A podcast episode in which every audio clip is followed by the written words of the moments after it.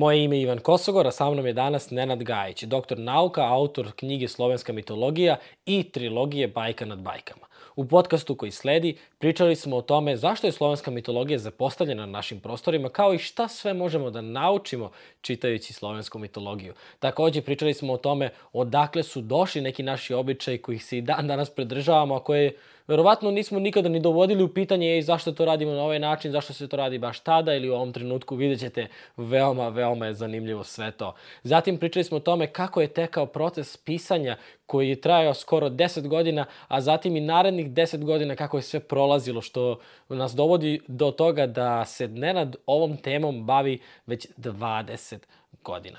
Ukoliko ste prvi put na ovom YouTube kanalu ili slušate preko podcast aplikacije, želim da vas pozovem da se prijavite, odnosno pretplatite na naš kanal i ukoliko želite da podržite podcast, najbolji način da to uradite jesu PayPal jednokratne donacije i Patreon. Svi linkovi su ispod. Uživajte u podcastu koji sledi.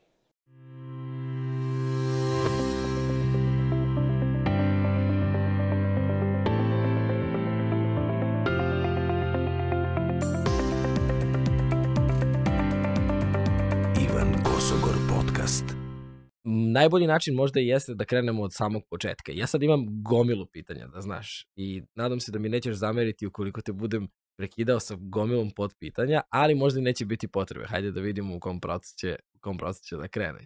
Ali slovenska mitologija uh, je nešto što je, imam, imam utisak, ti me ispravi, uh, na neki način i sakriveno od nas. I kad sam ja odrastao, ja sam, kad sam bio klinac stvari, ja sam gledao grčku mitologiju, crtani, pa znamo njihove bogove, pa njihove neke običaje i tako dalje. A slovensku mitologiju malte ne niko nije ni spominjao. Do nekoliko, eto, u poslednjih par meseci je došla i, i, i do mene i ovaj, kao što sam ti rekao i pre nego što smo krenuli zvanično da snimamo, Srđan Zirović i ja pričamo i tome i razmišljamo, ej kako bre da dođemo do, do, do tog čoveka. Tako da mi je mnogo drago da si danas ovde sa mnom i jedno čekam da čujem sve što imaš da mi kažeš.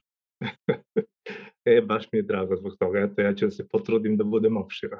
o, da, maksimalno, maksimalno. Nemoj uopšte skini sata ako imaš, nemoj da gledaš na vreme, jer krećemo. Uh, ajde da krenemo od, od, od, od te osnove. Šta je, šta je slovenska mitologija? To što si sad pomenuo, mislim da svi imamo to isto iskustvo. Svi smo znači odrasli na nekim drugim mitologijama, nesvesni da uopšte postoji slovenska mitologija kao naša, kao nešto u tom istom smislu. I onda, kako kome, znači ja se nadam da ja sad mojim delima otvaram uh, drugim ljudima vidike koje, na koje sam ja slučajno nabasao u nekom trenutku. Znači, meni je put bio dosta neobičan. Moja prva knjiga je slavenska mitologija, ali prva knjiga zamišljena je moja druga knjiga i serijal Bajka na bajkama koji sledio, jer sam ja, znači, krenuo od ideje da bih volao da napišem, znači, pošto sam mnogo čitao fantastiku kao klinac, da bih volao da napišem roman baziran na, na nekoj našoj fantastici i ok, pale su mi na pamet naše epske pesme, bajke, to znamo, Luka Karadžić i tako, Međutim, onda sam nekako krenuo da istražujem to o mitologiji, kad sam, znači, shvatio da Tolkien koristi, ne znam, nordijsku mitologiju dosta, pa sam onda krenuo da vidim šta to mi imamo i onda sam se, znači, doživao sam, eto, to kao otkrovenje, znači da postoji ceo jedan e, svet koji je potpuno, on nije bukvalno skriven, ali uopšte nije, znači, lako dostupan. Znaš, ti radovi e, koje sam ja čitao godinama su uglavnom naučni radovi, malo popularni, štampani, redko, neponavljani, znači teško dostupni često. I to je, i često su suvoparni, nisu, e, znaš sam, čitao si grčku mitologiju, u smislu i kroz crtane filmove i kroz filmove, ona je e, u priče prerađena, a naša mitologija je bila prilično suvoparna, ali je mene zainteresovala i ja sam krenuo znači da čitam to meni, ne, meni nije bilo dosadno, ali shvatam razliku između nečeg što je, kako bi rekao, popularno za široke narodne mase i nečeg što je u suštini stručno štivo. I ja sam, znači, čitajući stručno štivo, pokušao da ga prenesem u popularno, znači nešto što će da zanima i mlade i stare i decu i penzionere, znaš da svako, da, da ne budem, ne, ne ulazim u težak jezik, da informacije budu tu, da ne bude uprošćeno, ali da jednostavno to pre, pretvorimo nešto prijamčivo svima. I eto, posle deset godina možda mogu da kažem da je to uspelo. znači, Deset godina si pripremao, deset godina si sakupljao podatke? Da, evo ovako, znači bilo je, ima već dve decenije od kad se ta ideja javi. Trebalo mi je sedam godina da ja dođem do prve verzije knjige i da je ponudim izdavači. Sedam godina pripreme.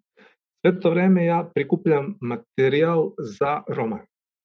Međutim, materijale sve više i više. Posle jedno pet godina, ne znam tačno više ni kad je bio taj trenutak, počinju razni ljudi, jer ja sad toliko sam u materiji da počinjem da pričam ljudima, znaš, kroz razgovore, kad vidimo neki običaj, ja im objašnjavam dakle potekao, kad neka biće im razjašnjavam kakva su kod nas odnosno na filmove, i ljudi sve češće počinju da mi, da me pitaju, da mi predlažu, pa što to ne bi uradio kao knjigu, kad to znaš, to je kao strašno zanimljivo. Ja sam stalno u, ovaj, u fazonu, ma ne, ja spremam roman, meni to samo kao prikupljam materijal. U jednom trenutku sam shvatio da tog materijala imam zaista već za celu knjigu, jer ja sam izlačio sve što je, znači ja sam, ne znam kako bih ti objasnio, te su informacije često bile kontradiktorne, ja sam sebi razjašnjavao šta i kako je, i onda sam bukvalno imao, znaš, jedni kažu ovako, drugi ovako, naj ukazuju činjenice na ovo, i jednostavno sam imao da, da sve sumirano zbog sebe, da bih ja znao kako da pišem, I onda sam u nekom trenutku, prvo mi je bila reakcija koja je vjerojatno svakom bila, evo ja sad tebi da kažem, uzmi napiši knjigu mitologiji, ti ćeš vjerojatno isto da pomisliš kao ja, pa to pišu neki ozbiljni ljudi u penziji, profesori, sedik brada, dobro, moja brada počinje da bude steda, već počinjem da liči na tog profesora, ali znaš, kao to je nešto što rade neki ljudi na vrhuncu karijere, da kažem, kad su već sve izučili. Međutim, onda sam u nekom trenutku napisao ono što je sada, zove se slovo na početku, što je simbolika, slovo na početku je A, odnosno az, kako se čitalo ranije, a to je jedino slovo koje se izgovara sa širokim otvorom usta zato što potiče od Boga. I u tom nekom kontekstu i sad to kao slovo na početku kao ovaj bila simbolična a, varijanta. I ja sam tu znači a, samo shvatio da a, to što pišem nije neka ultimativna stvar, već jednostavno delo koje je nastalo iz ljubavi sa najzanimljivijim informacijama koje sam ja otkrio i kad sam tako postavio stvari, onda sam se recimo osmelio da to napišem, ali i dalje sam bio vrlo oprezan, recimo prvi naslov je bio slovenska mitologija u slici i reči. To je bila ideja tako da se zove knjiga. Recimo, mislim da ovo nigde nisam rekao. Ali, ovaj, međutim, eto, Laguna kao moj izdavač je sjajno shvatila da zašto da bude komplikovan, zašto ne bude samo slovenska mitologija. Ja sam rekao, ali postoji već knjiga Louis Leže, Francuz, prvi koji je to pisao, to je 1900, recimo, treće godine, pa kao šta onda ima preko 100 godina od tada, znaš, ja kao onda razmislim, pa stvarno, zašto da ne, ali znaš, to su, to su, to su već male tajne velikih izdavača, znaš, da su hvatili da je mnogo bolje da bude jednostavno ime, I onda smo tako, znači, sedam godina je bilo dok sam ja odneo Laguni prvu verziju knjige. Nisam odneo samo Laguni, ja sam, znači, kad sam već došao, ja sam radio i društvene igre pre toga, dok sam pisao sprem materijal, stupio sam tu u kontakt sa preko 100 umetnika, odatle su ilustracije. Znači, ja sam te ljude za neke druge stvari upoznao i onda one koji su me bili kako bih rekao, koji su na mene ostavili onaj wow efekt kad vidim, ja sam njih onda zvao da mi ilustruju knjigu i onda zbog toga ljudi su uglavnom uh, vrlo impresionirani uh, ilustracijama u knjizi, jer, su, jer sam i ja bio, ja sam znači tako birao saradnike koji, se, koji na mene ostave utisak, znači svojim nekim radom i ovaj, oni su znači posle ilustrovali celu knjigu, tako sam došao od ilustratora i kada sam otišao, znači kada sam odneo knjigu posle 7 godina, ja sam imao tri ponude za, tri ponude za izdavanje u smislu, međutim Lagunina je bila, ovaj, sve sa Lagunom bilo kao čista čarolija i način na koji smo se sreli i brzina reakcije u roku od nekoliko sekundi pređem put od ko je ovaj čovek do toga je ovo je super trebalo da radimo i, i ovaj sve znači išlo tako dobio sam i najbolju ponudu Međutim, kad smo došli do toga, sad smo dogovorili, trebalo je još pune tri godine da knjiga izađe. Jer u tom trenutku Laguna nije radila, radila samo beletristiku. Nisu radili, sad imaju mnogo knjiga ovako, kako bih rekao, s tvrdim koricama i enciklopedijskih i ovakvih i onakvih, ali ovo je bilo nešto novo i za njih. I onda je trebalo, znači, mnogo posla oko svega, znači tu je bilo uključeno i grafička priprema i urednik ceo koji još uvek u Laguni koji je zaposlen da bi radio na mojoj knjizi i mene su u nekom trenutku terali da ponovo napišem knjigu gde je dovedem na tačno 200 strana, recimo imala je 100 strana i onda sam ja skoro dve godine pisao ponovo knjigu i sa 200 sam je digao, sa 100 sam je digao na 400 strana. Sad nisam mogu više da je spustim, pa onda urednik mora da je skreše na tačno planirani 200 strana koje su procenjene kao eto, neka idealna mera da to bude knjiga za sve, da ne bude neka U svakom slučaju, nakon celih tih peripetija koje su trajale još tri godine, znači od kada smo se mi dogovorili dok je knjiga izašla, to već 10 godina od moje prve zamisli, a to se sve dešava 2011. na Vidovdan izlazi knjiga.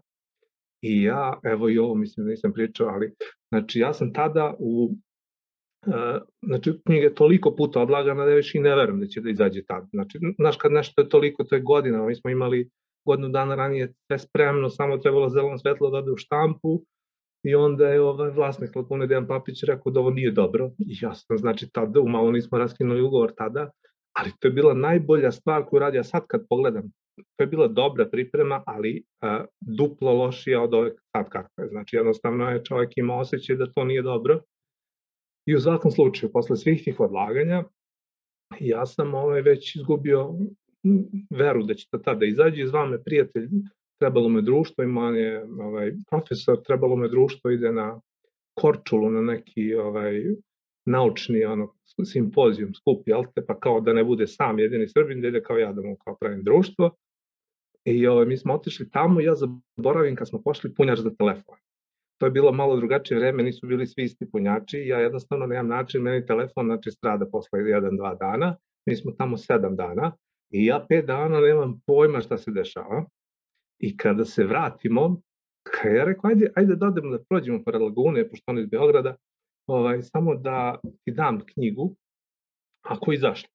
Pa da ne verujem, rekao da je izašla, ali kao nemam telefon pa da vidimo. I mi smo se znači, pojavili tamo, to je ludnica, svi me čekaju, ne mogu tri dana da mi nađu već, pre pet dana izašla knjiga, bukvalno kad je meni trko telefon, kaže, sve što su pustili u radnje, prvi, prva dva dana, sve se prodalo, znači momentalno knjiga otišla u drugo izdanje, bez da sam ja znao da je izašla već. Znači, ono, totalno je bilo, toliko je dugo i ja sam je najavljivo i ovi umetnici, svi su radili, znači jednostavno se čekala i onda se pojavila, a ima taj, evo ja sad da je pokažem ljudima koji ne znaju, znači ona ima taj neki izgled, vrlo ovaj privlačan, znači ovo je latinična, latinična verzija, izašla pre nepunih mesec dana, znači sasvim nova, evo ima Ćirilična koja je već stara 10 godina, evo da uporedimo kao koja je lepša, ali u suštini obe su lepe i obe imaju dizajniran taj font posebni. I ovaj, mi se znači pojavljujemo, pojavljujemo tamo i ja ne znam, ne mogu da verujem šta se, meni se bukvalno život menja u tih ta vremena, ja čujem gomilu informacija šta se dešava sa knjigom, nova izdanja, kome sve zove, gde da gostujem, koje članke, koje intervjue da pišem, da se slikam za ovo, znači ja odjednom ono od nekog ko, ko već, ne znam, tri godine čeka i ništa se ne dešava, upadam u taj vrtlog jer je knjiga stvarno krenula kako se to se redko dešava uopšte sa, sa knjigama, posebno sa knjigom ovog tipa, ovo nije roman Stephena Kinga bio, nego slovenska mitologija nepoznatog autora, znaš, i prosto je sve bilo prilično bajkovito oko toga i eto, tad je krenulo i idućih deset godina ja se bavim ovaj, time. Na kraju, znači, pišem i tu bajku nad bajkama zbog koje je sve krenulo i ovaj, a, uspevam da to ide polako, jer to sve mora da se utegne kod mene, da bude on tačno onako kako sam ja zamislio, sad kako drugi ja pišem za sebe, znaš, to meni važno da bude kako sam ja zacrtao da bude, i onda nekima se to vrlo sviđa, nekima manje, ali znaš, to je kao i svaki pisac, moraš da, da veruješ da to što radiš baš i ja znači ne puštam knjigu dok ja nisam zadovoljan njom. To je znači a, i a, završili smo, završio sam trilogiju u prošle godine, u novembru, znači trebalo je prilično vremena, međutim onda se od tad se sve ubrzava prilično mnogo. Evo je trilogija Bajkan od Bajkan, kad je pominjen da kažem, znači, to su tri knjige, što vidiš ovde, treća je zašla u novembru, ona ovako je specijalna kutija koja je vezana za dve ilustracije sa korica, međutim onda mi shvatamo da ove godine pada mali jubilej 10 godina slovenske mitologije i zato izlazi latinično izdanje slovenske mitologije, onda ja predlažem i to je bilo ovaj, malo sam morao da ubeđujem ovaj, u Laguni, međutim da se uradi specijalno izdanje, jedna debela knjiga Čirilicom, koja ima, ne znam, svaka knjiga ona ima običnu mapu, ova ima mapu u boji, znači sa ovaj, ne znam koliko se vidi sve ovo sa tim nekim, ta mapa je vrlo bitna za radio, ona se kroz cijelu knjigu se otkriva i ona je puna nekih tajni koje su sve vreme, dok je bila trilogija, sve vreme su čitacima pred očima i ovaj i tek se otkrivaju na, na kraju treće knjige. U prvoj, u drugoj i trećoj se po nešto otkriva i znaš, da je uspešno govori to što niko nije do kraja provalio šta je tu, a bila svima pred očima, kao i junaci. Znači, to je I onda smo uradili znači, i posebno izdanje slovenske mitologije latinicom, koji ima nek, nešto malo dodatnog sadržaja, pošto je latinica malo uža, pa možda 1% nekih do, dopunjenih informacija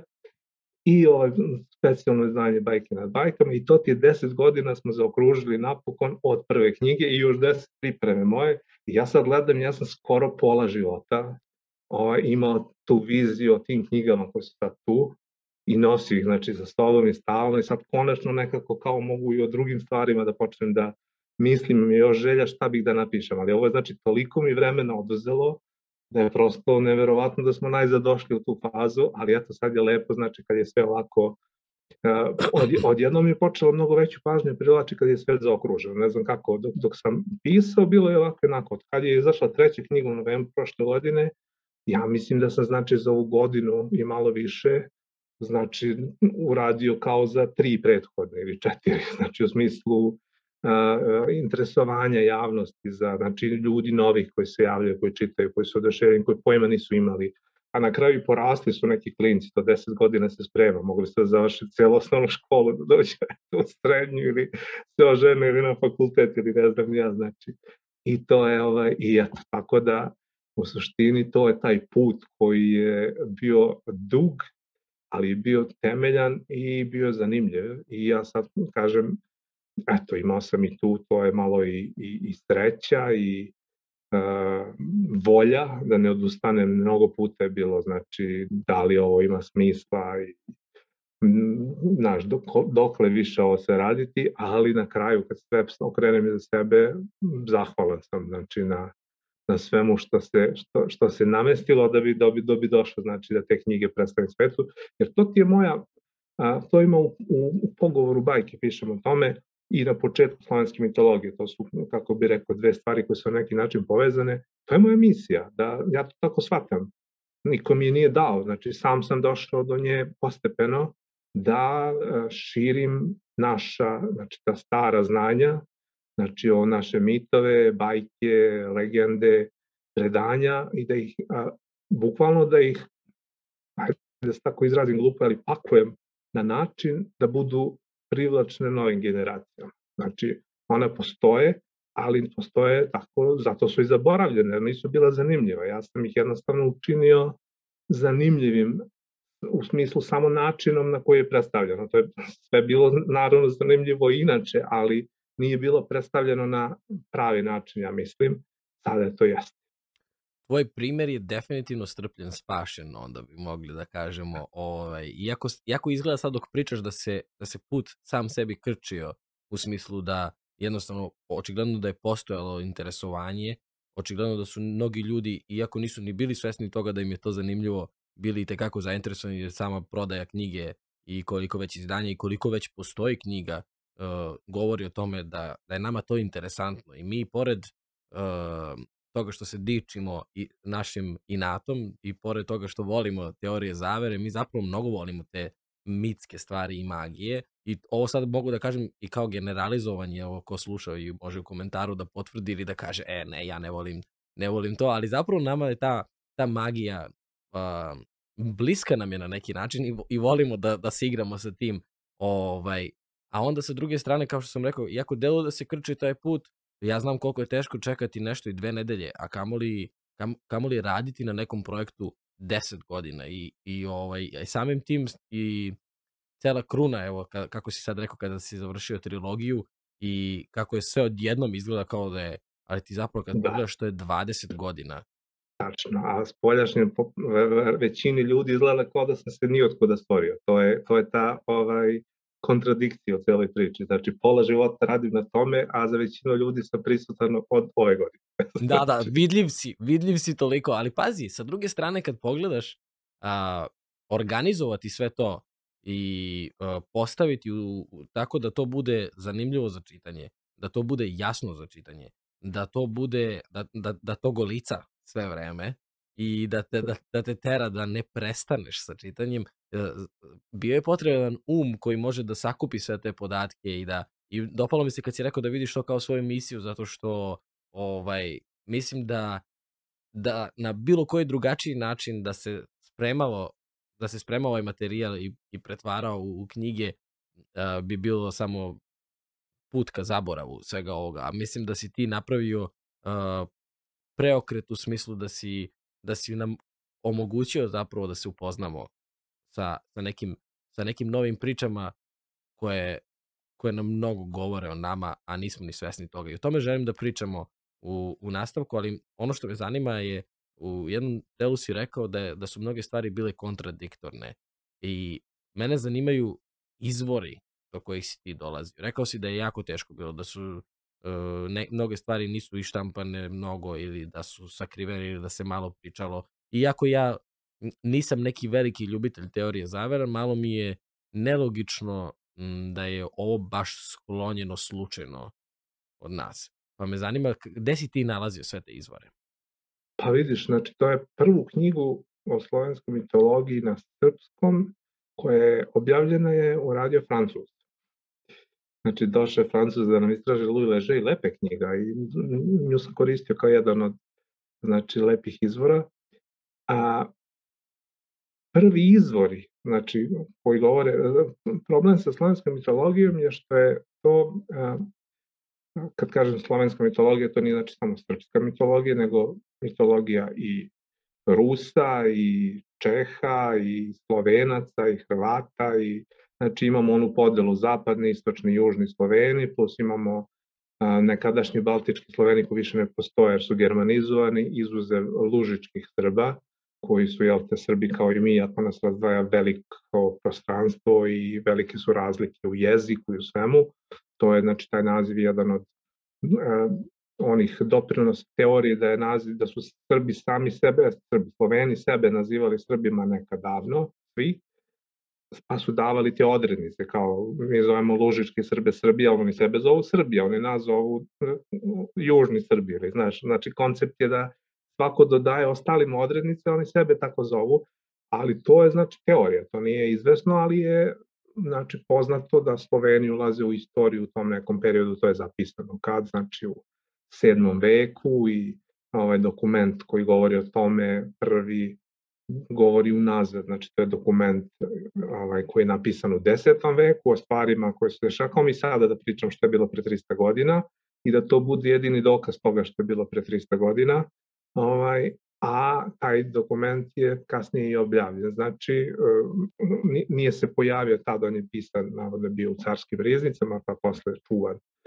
I da ne ulazim u tu priču, ali znači to je recimo prvi pomen doseljavanja Srba i Hrvata na Balkansko polostrvo, što je meni bilo, ja znači pišem o mitologiji svih Slovena, ali naravno sa najvećim osvrtom na ono što mi je najbliže, da kažem, na, eto, na naš, naše balkansko poluostrvo i na stvari.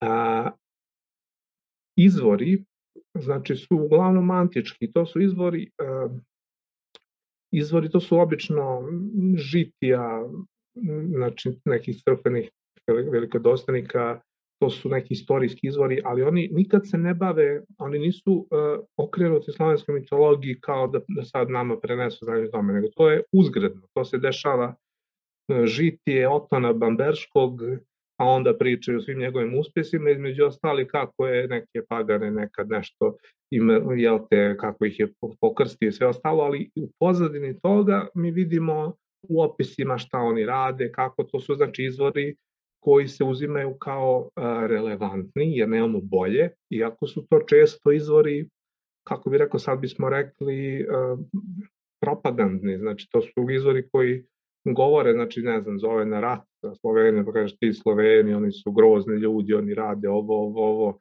kao u nekim sad novinama, tabloidima da nešto, znači, i sad to se uzima kao relevantno, nemamo drugu stranu, u smislu, i ja sam znači gledao da sve te izvore što više mogu izbacim iz njih ono što nije sigurno, znači ako izvor sam pominje nešto što se nigde drugde ne pominje, to često, ja sam to, e, bar u knjizi, morao da navedem da se pominje samo tu u smislu e, da skrenem pažnju da je to znači nešto što možda nije tačno i da pokušam da dođem do nekih stvari koje se pominju na dva, tri mesta i da su one verovatnije, zato što se pominju na više mesta. I to je bila, znači, to, na tome sam gubio dosta vremena, znaš, kada, jer to je, ja sam recimo rekonstruisao slovenski panteon, to sada deluje sasvim logično kada se pogleda, ali to je nešto o čemu znači, se spore mnogi ljudi mnogo vremena, ali ja sam išao ovaj, nekim metodom koji meni bio logičan, a sada izgleda da je generalno logičan. A, znaš, ako imamo boga groma, koji se zove Perun, i boga groma koji se zove Pirin, i boga groma koji se zove Perkunla, i, a bogi groma, pa koliko bogova groma treba Slovenima, ako ne jedan. Znači, to je bila moja, ja sam bukvalno po, po svrsti boga išao da, da identifikujem da razne imena spojim u, kako bih rekao, u jedno, u jedno božanstvo, zato što su njegove funkcije iste. I to mi je bilo a, razlog zašto, to sam to imao na dva mesta u knjizi objašnjavam, ima običaj čudan tabuisanja, moram malo skačem sa teme na temu, ali pokuš, nadam se da me pratite. Ovaj. A, znači, Sloveni su verovali da božanstvo a, može da se prizove u pomoć samo ako se zna njegovo tačno ime. Sad imamo kad dođu neki stranci, koji su često i potencijalni neprijatelji dolaze u pregovore i raspituju se o božanstvu, prilično je a, očekivano da će da im daju kada pitaju kako se zove božanstvo, neko iskrivljeno ime, samo da oni ne bi mogli da prizovu to božanstvo sebi u pomoć.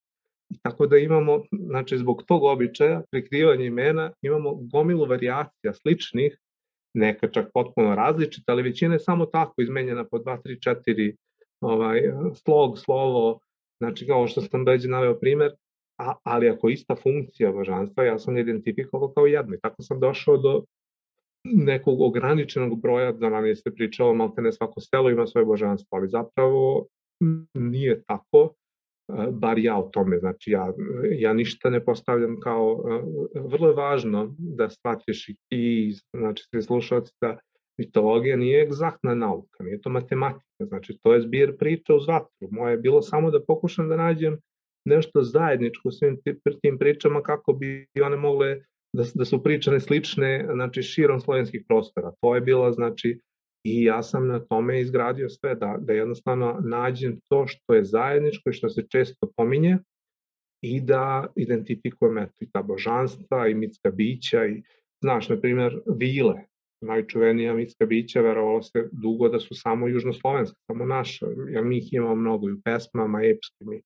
Međutim, onda kad se dalje istražuje, vidi se da postoje pod nekim imenima neke vrste vila i dalje i širom slovenskih prostora i kod Čeha i kod Rusa. To sam, ja sam se time bavio, znaš, da identifikujem šta su sličnosti, ne znam, rusalke, vodene vile. Nisu, rusalke nisu vile, ali liče, su lepe žene jedne i druge, ali rusalke su, kad su pod vodom imaju riblji rep, one su cela ta, znači one su ženski vodenjaci, to su bića koja mame neoprezne kad pada kiša uz, uz uh, reke pa ih dave, ovaj, sad zašto ih dave, to je duga priča, ne ulazimo u to, ali pretvaraju u sledbenike gospodara vode koji živi u svakoj vodi u kristalnom dvoru, sad svaka, svako veliko jezero i more čak se priča da je tu, ne znam, njegov kristalni dvor gde je, ne znam tačno, ali to su, ako se svuda pojavljuje, znači negde je pod vodom i tako to su te stvari kojima sam se ja bavio, znači mitologiji i to je meni sve bilo toliko, znači fascinantno. Svaki taj delić, znači ja, ja sam sad pomenuo božanstva mitska bića, ali mi to imamo, mi tu mitologiju nosimo sa sobom i ne primećujemo je kroz generacije. Znači ja sam počeo da e, primećujem kod, u selu svom jednom, u selu svom drugom, pa dalje, znači da gledam, da, da se raspitujem, da putujem, da saznajem da neke neverovatne stvari, da ljudi znači drže se tih običaja, to je još i Vukarović zapisao tu poslovicu, bolje da ne stane selo nego običaj ili kako nešto u tom kontekstu, što nije možda dobra ovaj, poslovica, trebaju nam sela više možda nego običaj, ali a, govori o snazi tog verovanja, jer a, to su verovanja iz a, velikih davnina, kako bi rekao, generacijama iza. I ono vremenom se izgubi a, znanje zašto se nešto radi, ali se sačuva ritual, to je taj običaj da nešto se radi. Pa kad, kad pitamo zašto, ne znam, zašto se nešto radi, zašto se prosipa voda i zašto se drži voda pored mrtvaca pa kad se on odnese iz kuće se prospe voda, zašto se pokriva ogledalo kad je mrtvac u kući, zašto, to su stvari koje ja viđam, znači ja, ja to saznajem na, na licu mesta u mojim, u mojim selima, znači neke stvari, krećem da istražujem to i vidim da niko ne zna tačno da objasni zašto, ali svi znaju da to treba, kao valja. Znači, ono, valja se i ne valja se. I to je znak da nešto vuče korene iz nekih davnih vremena, a eto, znanje se izgubilo. Ja sam se potrudio, naravno, tih običaja ima mnogo, i ja mislim da je to i nemoguće sad sve ih uh, prikupiti, sve ih objasniti, ali ja sam se potrudio da one naj, uh, kako bih rekao, najčešće, najzanimljivije na koje sam najlazio, objedinim i objasnim. Znači, objasnim zašto i odjednom onda sve dobije, evo ajde da te pitam, na primjer, znači, zašto dajemo 40 dana pokoj? Da, sad kad si pričao o tome, meni je, meni, meni je palo na pamet uh, upravo to. Pa, uh, sad, kad, Mislim, kada bih da... trebao da razmišljam, ono, ono što mene sada kao, kao prva asocijacija mi je da je vampir srpska reč. Jeste. I da, I da postoji verovatno neka neka povezanost između... Čini mi se da si malo čitao tome, ali... ali ne, ja pre neki dan sam čuo prvi put, znao sam, bilo mi je poznato da je vampir srpska reč, ali kao ne razmišljaš o tome sve vreme. I onda negde sam, negde sam a, a, čuo za, za vampire i bilo mi je kao, aha, da, čoveče, to je naša, naša... I onda sam se hvalio ovde drugarima koji su amerikanci. Ja sam rekao, e, samo da se zna, vampir je naša reč. Znaš. Yeah. Ok? Da. Prvo pomenjenje vampira kao pod tim imenom je, vratit ću se na ovu priču, ali sad kad si pomenuo, je u znači nemačkim i austrijskim novinama. Znači, to je pomenjanje još vreme, znači govorimo o Austro-Ugarskoj, o nekim drugim državama, ali znači na teritoriji današnje Bosne, Srpsko selo, i, gde se preminuje Petar Blagojević, prvi srpski vampir koji je ovaj zabeležen i pozvani su, priča se da se povampirio i piše se, jel, na, piše se vlasti da pošalje nekog da spašava selo. I oni šalju ovaj lekara koji ovaj, cijela ta priča je znači, mnogo zanimljiva i sa prvim Blagovićem i sa posle Arnaud Pavlem, znači uvek dolaze lekari u uh, zvanični, tadašnji, nema, kako bih rekao, jeste medicina, govorimo o nekim vremenima, koliko je to vek dođe, znači 17. 18. 18. vek, ali to je u suštini, to su vrhunac medicine tad. Oni dolaze, kopavaju i ustanove da telo nije propalo, da je nastavila da raste kosa, nokti, sad mi neke stvari znamo danas drugačije, ali da je telo znači sačuvano, da mu je navodno u ustima ima krvi, i onda mu znači sve ono što se rade odsecaju u glavu, spaljuju logov polac, sve metode primenjuju da, da budu sigurni da neće vampira se radi i to ulazi u zvaničan medicinski izveštaj. I povodom toga pišu novinski članci, to ide kao izraživanje da se pojavio neki virus u Srbiji koji pretvara mrtve ljude, življava ih i pravi vampire. I onda se to, to je senzacija na našim krugovima, znači niko ne zna tačno kako se to dešava, a se to dešava negde na ovim našim prostorima, kako bi rekao, i o tome se uh, vrlo je moguće, znači istorijski da je Bram Stoker bio inspirisan tim novinskim člancima da bi kasnije napisao Drakulu, kog mi danas uzimamo kao ovaj glavnog najpoznatijeg vampira na svetu, jel? ali potiče, vrlo je moguće da je poticao tih naših vampira, to bila ta sendacija i pisalo se, ja sam znači uspeo, ja sam to prvi put čitao kod e, nekih naših očekanovića, čini mi se, koji piše o tome počuvenju, vreme pre interneta između dva svetska rata on nema priliku, on je čuo od prijatelja koji je pročitao u novinama i on prenosi nam u knjizi. Ali e, pedantni germani sve skeniraju, sa smo vremena interneta, ja sam to video svojim očima, znači išao sam, našao, nalazio te članke kad su objavljeni, skenirane i video da sve to je tačno kako je bilo.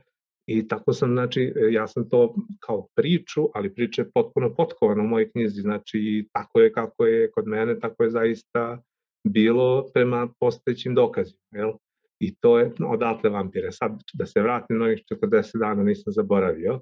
Znači ljudi svašta imaju ovaj zašto je to tako, ali odgovor je prost. To je vreme u kome čovjek može da se povampiri. 40 dana. Ako posle 40 dana mi slavimo, što se nije povampirio, više neće. Njegova duša je slobodna i otišla je na onaj svet. Jel? I ceo sad niz rituala počinje ti bude mnogo jasniji. Zašto uh, nosimo crninu? Zašto muškarci puštali brade, to se malo što izgubilo? Zašto uh, idu na groblje jednim putem, a vraćaju se drugim? Zašto zastaju na raskršćima koji su mesto okupljanja uh, nečastivih sila? Zašto, zašto je na svakom raskršću, ali se nikad ne okreću iza sebe? To su sve metodi da prikrijemo, znači da, da, da bukvalno prikrijemo trag. Ako se pokojnik po vampiri čim se mi odemo, mi smo došli jednim vratili se drugim putem, oblačimo se drugačije, da nas ne prepozna, puštamo bradu, ako krene da se vrati, ne zna gdje da se vrati, a čak i ako nađe, nije siguran da li našao prave ljude, jer se više niko ne oblači kako se oblačio. I sad cijel taj niz čudnih običaja koje mi samo znamo, eto tužno smo pa nosimo crveno, on zapravo nosi praktičnu svrhu, nekad je bio znači praktična odbrana od nečastivih sila, od vampira, jel? I to je... A, Samo moram da se ogradim, izvini što te prekidam, ali ja ne bih spomenuo nikada vampire da sad ne pričam sa tobom. Znači da me bilo koja druga osoba na svetu pitala danas zašto dajemo 40 dana, moj mozak ne bi išao u pravcu uh, nekih mitova, mitskih bića i slično. Da, dobro, da, da ne budu... za to, dobro, tako, tako, da znaš. Isto da ne budu ljudi sada da ne pomisle kao da ja razmišljam o vampirima često. Ali pre nego što, uh, pre nego što odemo... Izvini, evo sad, ajde da, da odemo na neki način, da se nadoveže. Zašto se mlada prenosi preko praga? Kad postaviš pitanje, kreni odmah da odgovaraš, da znaš, jer ja ne... e, pa dobro. A vidiš, to, to je niz uh, takvih, znači, ranije se smatralo da, se preci da su se preci zakopavali ispod praga, to je jedna faza, pre zakopavanja pod grobljima, posle recimo spaljivanja, verovatno su se prvo spaljivali po mnogim ovaj dokazima. Ima znači jedna čuven citat koji zapisao jedan putopisac ovaj, arapski u nekom, kod današnjih Rusa recimo, je neko umro i sad oni njega priča on sa nekim Rusima, uplakuju tog pokojnika, jeli, kaže, i ovaj kaže Rus njemu, on to prenosi u tom kontekstu, je, vi kaže Arape, vi ste nepromišljen narod, zakopavate vaše pokojnike da se crvi goste njima, a mi ih odmah spalimo da im duša odmah ode gde treba. Znači, to je u smislu, uh, to je vjerojatno prvobitno bilo, znači, taj put od spaljivanja preko ovaj, zakopavanja pod pragom ili blizini kuće do grobalja. Uh, kada se predah zakopa ispod praga, to se velo iz te faze, on ostaje kao zaštitnik. Ima gomila a, rituala oko toga, a, ali predak iz praga je zaštitnik kuće. Odatle vuče verovatno i a, mi to, a, pošto je zmije suhtonska biće vezana sa onim svetom i veruje se da ispod svake, to je verovatno slično, sličan koren, sličnog verovanja, da ispod svake, svaka kuća ima svoju zmiju čuvarkuću, zaštitnicu koju ne treba ubiti ako se vidi, koja se ne pojavljuje skoro nikad, ali kad se pojavi obično je loš znak, da će nešto loše da se desi, ali znaš, to je taj, ta priča je verovatno vezana za pretke, u smislu neko čuva kuću ispod praga. I zašto se unosi e, žena, ovaj, nevesta, ako zgazi na prag, ona gazi na pretka zaštitnika, a još nije uvedena u porodicu, znači tek je venčanje u toku i onda se ona prenese preko praga da ne bi zgazila, bi iskazala se poštovanje, a onda se ovaj prinese ognjištu, jer isto je ognjište ritualno mesto i tu se zvanično uvodi u porodicu i ovaj jednostavno posle toga ne mora više da se nosi preko praga, jer to je... Da, da je to samo kod nas ili misliš da je to u svetu preko praga? Sad pokušam da vratim film. Da li mnogi sam... mitovi, pazi ovako, mnogi mitovi su uh, opšti sa variacijama. Mene naravno interesovalo najviše ono što je opšte na slovenskim prostorima, ali ne možemo, znaš, ti Boga groma nemaš samo kod Slovena, imaš ga širom u svim mitologijama, tako reći. Ali mene je znači zanimalo da rekonstruišem uglavnom a, to što je kod nas bilo na cijelim slovenskim prostorima i što je zajedničko, a manje sam se bavio, mada imam i od toga u knjizi, manje sam se bavio paralelama sa svetskim mitovima, ali zapravo paralele uvek postoje, jer postoji to nešto što je Carl Gustav Jung, psiholog, nazvao kolektivno nesvesto, neka znanja koja dolaze do nas iz davnina, ne znamo kako, i ona verovatno nisu vezana za uh, naciju i narod i ostalo, tako da uh, verovatno je da postoje mnoga, nije verovatno, postoje mnoga preplitanja, ali postoje i mnoge specifičnosti. Meni je bilo važno da te specifičnosti na, otkrijem i ukažem na njih u smislu kao neka naša, eto, u smislu Sloveni su grupa naroda, rani bili jedan narod, ali kao nešto što njih e, odlikuje, oslikava nas. Znači, to je to. Da, kad si rekao ovo, nasmeo, nasmeškao si se za kolektivnu nesvesnost. Šta se krije tu? Šta, šta si teo? A, a, krije se da sam, a, ova, kazao sam, znači, bajko na bajkama, ovu novu, ona ima iste kao sve prethodne, ali ona ima, baš citira Karl Gustava Junga, jednu baš direktno vezanu, a mnogo mi je zanimljivo, najbolji opis knjige koji sam našao u jednoj rečenici, a mnogo toga znači i mimo toga. Kaže, ni jedno drvo, kažu, ne može rasti do neba ako mu koreni ne dosegnu najmračnije dubine. To je opis ove knjige. Znači, i bukvalno glavna junakinja prolazi to, stiže do najmračnijih dubina da bi porasla do neba, a nosi i sve moguće, znači nosi te poruke kolektivno nesvesno. Pa sam se zato nasmeo, shvatio sam da, okay. da sam ti pomenuo čoveka koga, koji je citiran u specijalnom izdanju knjige. Jedva, jedva čekam da čitam knjigu. A, I kao, kao što sam ti rekao, s jedne strane, bio sam a, malo uh, kao da li, da li treba, koliko treba da se pripremim za ovaj razgovor i onda sam shvatio da zapravo kao like i kao neko ko ne zna mnogo o tome, mogu zapravo da postavim najbolja, najbolja pitanja o, iz, ove, iz, ove, iz ove perspektive. E, ja sam, znaš, isto o tome razmišljao da li da te nešto upućujem, ali onda baš to, a, polazimo od toga da verovatno a, većina gledalaca nema predznanje, pa onda najbolje da i ti nemaš, pitaćeš najrelevantnije stvari u tom smislu, tako da i ja sam se, ovaj, čak mi se i dopalo to, ti si, znači obično razgovaram o tome sa ljudima koji su, ajde ne eksperti, ali vrlo pripremljeni i ja se uvek trudim da razgovor uh, ne ode u neke suviše stručne jeli, uh, uglove, ali, ali ovo je baš, znači ovo je nešto što garantuje da do toga neće da bude, pričam se, znači pričamo laički, da kažem. Da. Ajde da nastavimo tim običajima, pa moramo da se vratimo na, na, na bogove i celu tu priču, ali sada, sada si me uhvati sa običajima, pa mi je jako zanimljivo. Šta je ono što je tebe najviše iznenadilo uh, kod naših običaja? Šta je ono što je bilo za tebe najveći u? Pa sama činjenica da su oni, uh, da postoje u tom, znaš, to su neke pre nego što sam počeo da istražujem, znači ima jedan od prvih fascinacija kad sam počeo da shvatam dobinu toga, ja moj prijatelj, znači koji je e,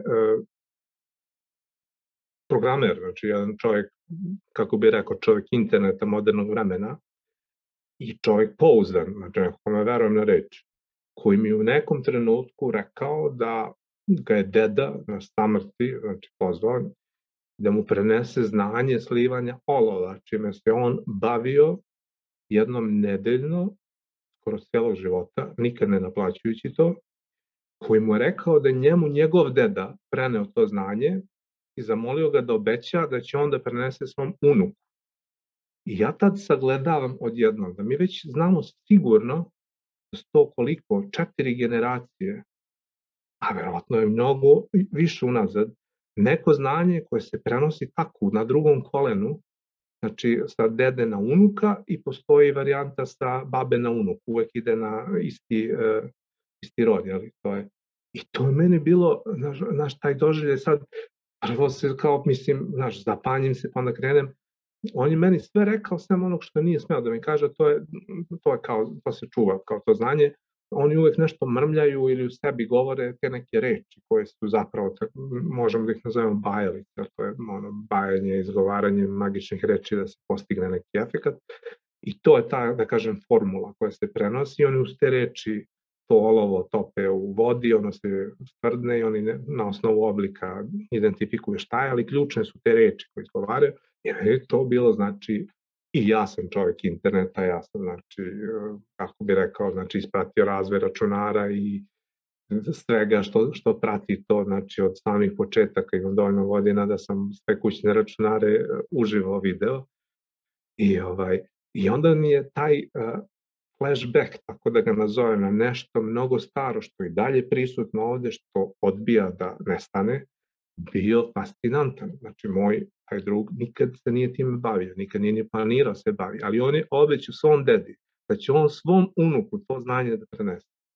Razumeš? To je meni bilo fascinantno, da sva tehnologija, sve ovo što mi živimo, stav ovaj, znači sve ovo ludilo i ubrzanje koje ne može da poništi te neke stvari koje su ko zna koliko vekova stare i znači koje će da nastave da se prenose tako. Ja, ja sam, eto, sveo jedan primer, a taj primer, to je, to je možda jedna od prvih stvari koje mene zainteresovalo da krenem da istražujem tu priču, kad mi neko ko je za mene čovek modernog vremena, shvatim da je znači se obavezao da će da prenese nešto iz davnih vekova. Meni je to bilo, ne znam kako zvuči ovako kad pričam, ali mene je fasciniralo. Znači, to je, I odatle je krenulo to i tad sam shvatio da, kad sam krenuo da je to običaj, da običaj svi vuku tako. Znači da nijedan običaj ne, ne, nije star generaciju dve ili tri, nego da su stari verovatno nezamislivo. Znači mi ne možemo da pretpostavimo ali mnogo generacija vuku i ovaj, ja sam pokušavao, znači gledajući da, da ih rekonstruišem.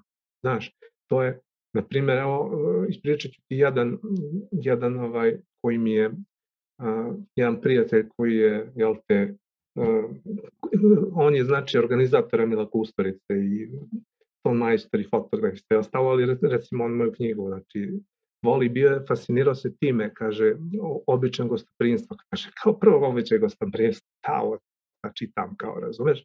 A onda krene u te, i onda kaže oduševići kako ide, znači, ta a, priča, a, kako je, znači, prvi običaj, to, prvo kad neko dođe u kuću, znači mi imamo taj običaj od davnina, sad se malo, tako je vreme, imamo malo zapadnjačke utice, nismo više toliko otvoreni, ali smo ranije bili koliko god e, Sloveni bili sumnjičavi prema strancima, kad neko zatraži gostoprinstvo, on ga je dobijao. Znači to je bilo i znači gost bio neprikosnoven. I kad dođe, ima sad niz neobičnih običaja, na primjer, gost dođe, izujemo se kao izujemo se obuća, pa mu se, sad to, sad, ovo ti pričam, dosta toga se izgubilo, ali to je običaj rekonstruisan kakav je izgledao sad, sad u tragovima se i danas čuva. Operu mu se noge, ruče se s njim, čak mu se uveče po mogućstvu da na raspolaganje žena iz kuće ako je muškarac, obično muškarac. A, ta cijela ta priča deluje potpuno šta sad. Ali onda kad kreneš da rekonstruišeš po, po tom ritualnom običaju, a, postoji običaj koji se zove, postoji teofanija, verovanje. To je verovanje da se a, božanstva a, pretvaraju u ljude i putuju po svetu. I to obično uzimaju a, oblik neuglednih ljudi, prostjaka, naš sam naziv, kako se zove još prosjak? Ubog, božjak, sve je iz korena bog. Zato što wow. sma... vidiš, da, ovaj, zato što se smatra da Bog često uzima to, božanstvo uzimaju tu, tu, tu kao tu ulogu, da bi videli kako će biti dočekani. I a, izuvanje obuće, a, ovo što sam ti pričao, preci su pragu precisu ispod kuće. Kada se stavi nekom, znači kad se neko izuje, stave mu se noge tu i smatra se da njegova snaga prelazi precima. Jelo. Jelo je najbolji način sklapanja saveza, imamo sve one običaje oko Božića, oko svega, da uvek se neko, neko jelo pada na pod, to je namenjeno precima, i isto je vezano za, znači, pošto jelo je neki, neki način da se spojimo sa onostranim, da kažem, I uh, ovaj treći najčudniji običaj koji se izgubio potpuno, naravno, ali je ovaj, najzanimljiviji zašto da se ženska osoba stavi na raspolaganje, jeli? zato što ako je on bog, potomstvo iz toga će biti polubog. Znači ako imamo uh, nekog u svojoj kući koji je polubog, mi samo možemo da prosperiramo u tom kontekstu. I odatle znači vuko taj neobičan običaj. I onda sve odjedno, kako bih ti rekao, to sve što deluje potpuno nelogično, kada ga svedeš na te mitske obrazce i verovanja, odjednom dobije potpuni smisao. Nešto što si se čudio, kako ovi ljudi, zašto to rade, zašto se to radilo, kada ga znači identifikuješ, dobije potpuno potpuno neko objašnjenje. Znaš, moram da ti navedem sad sličnu stvar ali isto meni je fascinantna. Čitali smo gomilu lepske pesama i ja te pesme koristim u svojim knjigama. Bajka nad bajkama je epska fantastika koja je bukvalno epska u smislu da je bazirana na srpskoj narodnoj epici. A, ali ne na onom prostom sloju epike koji uh, učimo u školi, nego na onom dubljem. Jer pretpostavka je da su sve epske pesme kao i običaj mnogo starije od ove verzije koju mi imamo. I obično u pozadini toga se krije nešto mnogo starije. Ja uvek uzimam primer da ne bih dao svoj, znači Veselina Čekanovića, jednog od najznačajnijih srpskih istraživača religije i mita, i njegov primer, ja imam mnogo mojih primjera, ali njegov primer uzimam jer je ovaj mnogo lakše da pričam kako neko drugi došao do zaključka, ali cela knjiga moja se bazira na tome, na rekonstrukciji drevnih, znači, epskih pesama, A, pesma koju smo svi znamo iz škole, bar do nekada, znači Smrt majke Jugovića. Znamo, eto, znači da je ona, on, izginule su i devetoro dece i muž. To su, inače, nisu istorijske ličnosti, ne postoji e, stariju Bogdan koji imao devetoro sinova, to je znači čista mitska ličnost, imam i o tome u slovenskoj mitologiji objašnjenje neko, nećemo da skrećemo na to. A, kako ide pesma? Ja ti sad znači prepričavam ako si zaboravio, ona znači dolazi dva vrana Gavrana, ona govori sa ptica. Onda je Bog daje krila, ona leti na Kosovo, ona u onom moru mrtvih uspeva da sagleda baš svoje, znači silazi tamo, ne pušta suzu, tamo su znači i konji i njihovi psi i ne znam šta sve i ona ih ovaj i sad narodni pevač se čudi, ona tu ne pušta suzu, pa ne znam, ne pušta suzu kad dođe kući ruku kad donese Gavran ruku njenog jednog od sinova. Znaš, to su narodnom pevaču nije jasno, jer imaš kao kontraprimer koji ću da ti dam, čuvena lirska pesma, e, kako ide ono, brojila ih mlada Jugovica, sve junake na broj nabrojala, do tri svoja dobra ne nabroja. Pa onda šta je uradila za muže, nagradila lice, šta je uradila za, znači ne znam, i za bratom i oči iskopala, u smislu, to je tuga, znači ona, a sad imaš ovamo majku Jugovića koji su svi stradali i ona ne plače. I narodni pevač novije generacije, onaj poslednji koji čiju verziju gledamo, nije mu jasno. I on završava pesmu nekim stihom koji je očigledno dodat naknadno, jer ona se kao nadu i rasprsne. Znači, jedan potpuno banalan kraj, jer on kao čuva tu tugu u sebi pa kao eksplodira na kraju od nje. A istina je, o tome piše Čekanović, a ja sam potpuno prihvatio i taj sam metod primenuo na mnoge druge pesme, da ako pomislimo da je u pitanju vila, sve dobija drugi, drugi, drugi smisla. Vile ne plaču. U ljudski, ljudski moral u očima vila nema značaja. Ona leti, odatle je krila, vila lete. Ona znači ima vid koji imaju samo vile da može da sagleda znači u masti ono što je zanima detalj. I sve, cijela pesma odjednom dobija potpuno drugu ritmiku, potpuno drugi smisao. Ona nosi neki, znači, mnogo dublju mitsku, mitsku poruku u sebi. I to je meni bilo znači, fascinantno. Te pesme mi učimo kao pesme o realnom boju, a one u sebi nose nešto, znači, tako magično u pozadini, što se izgubilo, ali je tu i dalje ako čovjek malo pažljivije pogleda. To je meni recimo bilo i na tome sam bezirao celu priču, ja sam se potrudio da sve što sam uspio da primetim to magično izvučem na, na, na ovaj svet i zapišem ono, u svojim romanima i pre toga znači u mitologiji šta se uklapa u mitologiju. To je. Šta misliš da nas je, da je vuklo ljude iz tog perioda da izmišljaju nova bića, da, da pričaju, eto, mene je malo pre podsjetilo ono kad, kada si rekao na devojke koje imaju peraja u vodi, da su to sirene u činarstvu. Ako sirene u grčkoj mitologiji nisu, kako iz dana zamišljamo, one su bile žene ptice, pa su kasnije, to je zad zanimljivo, to je potencijalno moguće preuzeti slovenske mitologije sadašnje verzije, ali da ne, nije, nije post. to je, znači, ali recimo jedna mogućnost. Vidiš koliko recimo sada ima tih, kada, kada bismo, ne mogu čak ni da zamislim šta, šta si ti poslednjih koliko 20 godina, kako kažeš, ali de, tih 10 godina kada si istraživao koliko si dolazio do kao ono u ping pongu, levo, desno, da, šta yes. se dešava. A šta, yes. Pođeš od jednog i nešto potpuno drugo otkriješ da te navede i odjednom drugačijim očima pogledaš na istu informaciju koju si imao ranije.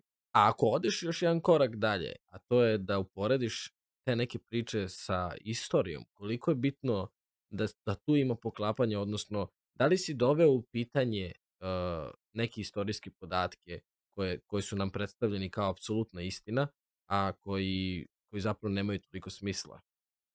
Pa nisam, zato što uh, vrlo je važno, to je tan, tanko, tanak led na koji, koji ljudi ne razumiju. Istorija i mitologija nisu isto. Znači, uh, istorija se bavi godinama i uzrocima događaja koje mitologija uglavnom ne pominje.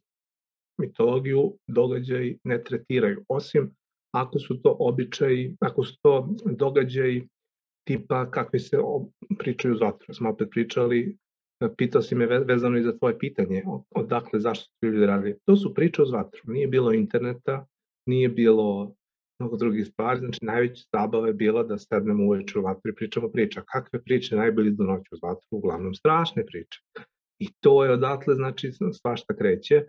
I uh, to su, kažem, ako su uh, priče koje su u mitologiji, to su priče kako je neko sreo nekog, na primer, evo, znači meni je super zanimljivo, imam a, objavljenu priču u jednoj zbirci folklorne fantastike koja se bavi jednim mitom koji mi je bio fascinantan jer sam ga ja uživo doživeo u gradu, dete. Mitom, sad ja malo ofiram ljudima koji nisu čitali priču, ali prosto... Nemoj, ne, potrudi se što manje, zato što ne, ja, ja sam među tim da. ljudima, ja sam među tim dobro. ljudima. Ali eto, da kažem, postoji priča koja se pričala kao fazon priča, kao deca isprepadaju jedni drugi.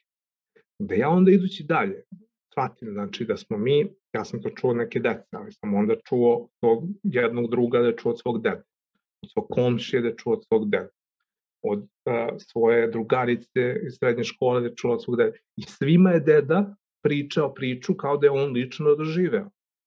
I ja sad ne znam da li svaki deda laže ili je to nešto što se dešava mnogo često, vrlo je čudna priča, znači, ovaj, a, o nekom susretu u noći u šumi, ali to je ovo što ti pričam, to liči na takve priče koje se tiču mitologije.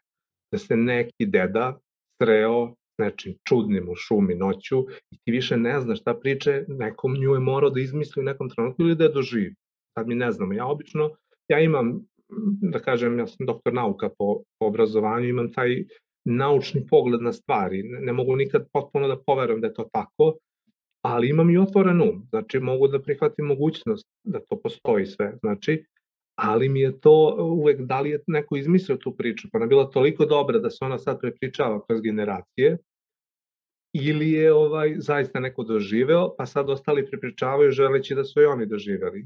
Ne znam šta je tačno, verovatno, nikad ne, nećemo ni saznati, ali to mi je znači to mi je, razumeš, pričamo o meni, znači ja sam odra, znači dete koje odrasta krajem 20. veka, čujem od druge dece priču koja je zapravo mit, koji uče korene, opet mnogo duboko stigao je znači, do gradova, do, do, do ovih generacija. Prepričava se kao fora, da kažem, jer je, da sad ne opiram priču, ima taj neki moment da te trgne, ono, ali zapravo je nešto što postoji jako dugo. Ja sam, znači, tek naknadno meni, znači, moja čitateljka jedna me pita, pa provalim da je još jedan pisac, znači, obradio isto to naš pisac, tu malo drugačije, naravno kako je on čuo od svog dede ili od svojih prijatelja, znači to je a, mit koji, koji postoji, ovaj, koga svi smo, svi smo čuli, a, a niko ne zna odakle potiče zapravo. To je ono što je ludo i naš sa ovih prostora negde, verovatno, ali koliko duboko on seže, teško je znati. I to su stvari gde sam ja stalno sam nalazio na njih. Znači stalno šta god, e, gde god zagrebeš, videći nešto čudno i niko ne zna odmah da ti odgovori šta je, skoro sigurno mi toliko toga, mi smo znači kao narod nekako ostali na razmeđu tih vremena. Mi smo u modernom vremenu živimo, ali i dalje čuvamo sve to što ne znamo šta je, ne znamo zašto, ali ta znanja prenosimo s generacije na generaciju, da li kao šalu, da li kao priču zanimljivu, da li kao valja se, ne valja se, ali bukvalno skoro sve to čemu ja pišem mi dalje prenosimo, samo ne znamo šta je iza toga. Sad kad kažeš ovo za priče, ali meni je recimo interesantno da postoje i mitska bića koja su nastala, ne znam, u Africi, u Australiji i na, u Evropi i koje imaju apsolutno identičan oblik, a istorijski gledano jako je teško da je neko prešao u tom periodu da su se srele dve osobe i da su podelile baš te priče o tim, o tim mitskim bićima i ovaj i da su jednom sad te priče rasprostane. Danas je lako, danas je lako da, da ono što ti napišeš u Beogradu ja pročitam u San Diego. Ali u, yeah. u tom nekom periodu da toliko sličnosti postoji između uh, verovanja uh, bogova, upravo sam, sam pojam bogova, boga grmljavine ili bilo kog drugog da nastane o, u našoj slovenskoj mitologiji, u grčkoj mitologiji i recimo, ne znam, u afričkoj mitologiji, sada u nordijskoj, tako je. Znaš, prosto zanimljivo je kako je ta, to što si rekao kolektivno nesvesno, ali, da. ali sa druge strane moraš, moraš da staviš prst na čelo i da razmisliš, hm, što da, verujem da si ti mnogo radio, ali, yes, ali kao stvarno yes, je malo... Ali odgovor, -hmm. konačni definitivni odgovor ne postoji. Postoje mnogi ljudi koji su napravili karijere tvrdeći da imaju konačan i definitivni odgovor, ali ja, ja mislim da je nemoguće doći do tog odgovora i moj pristup je e, to je, ja mislim, naravno niko ne zna zašto je slovenska mitologija, sam si rekao zašto ima 12 izdanja i sad ima i latinično.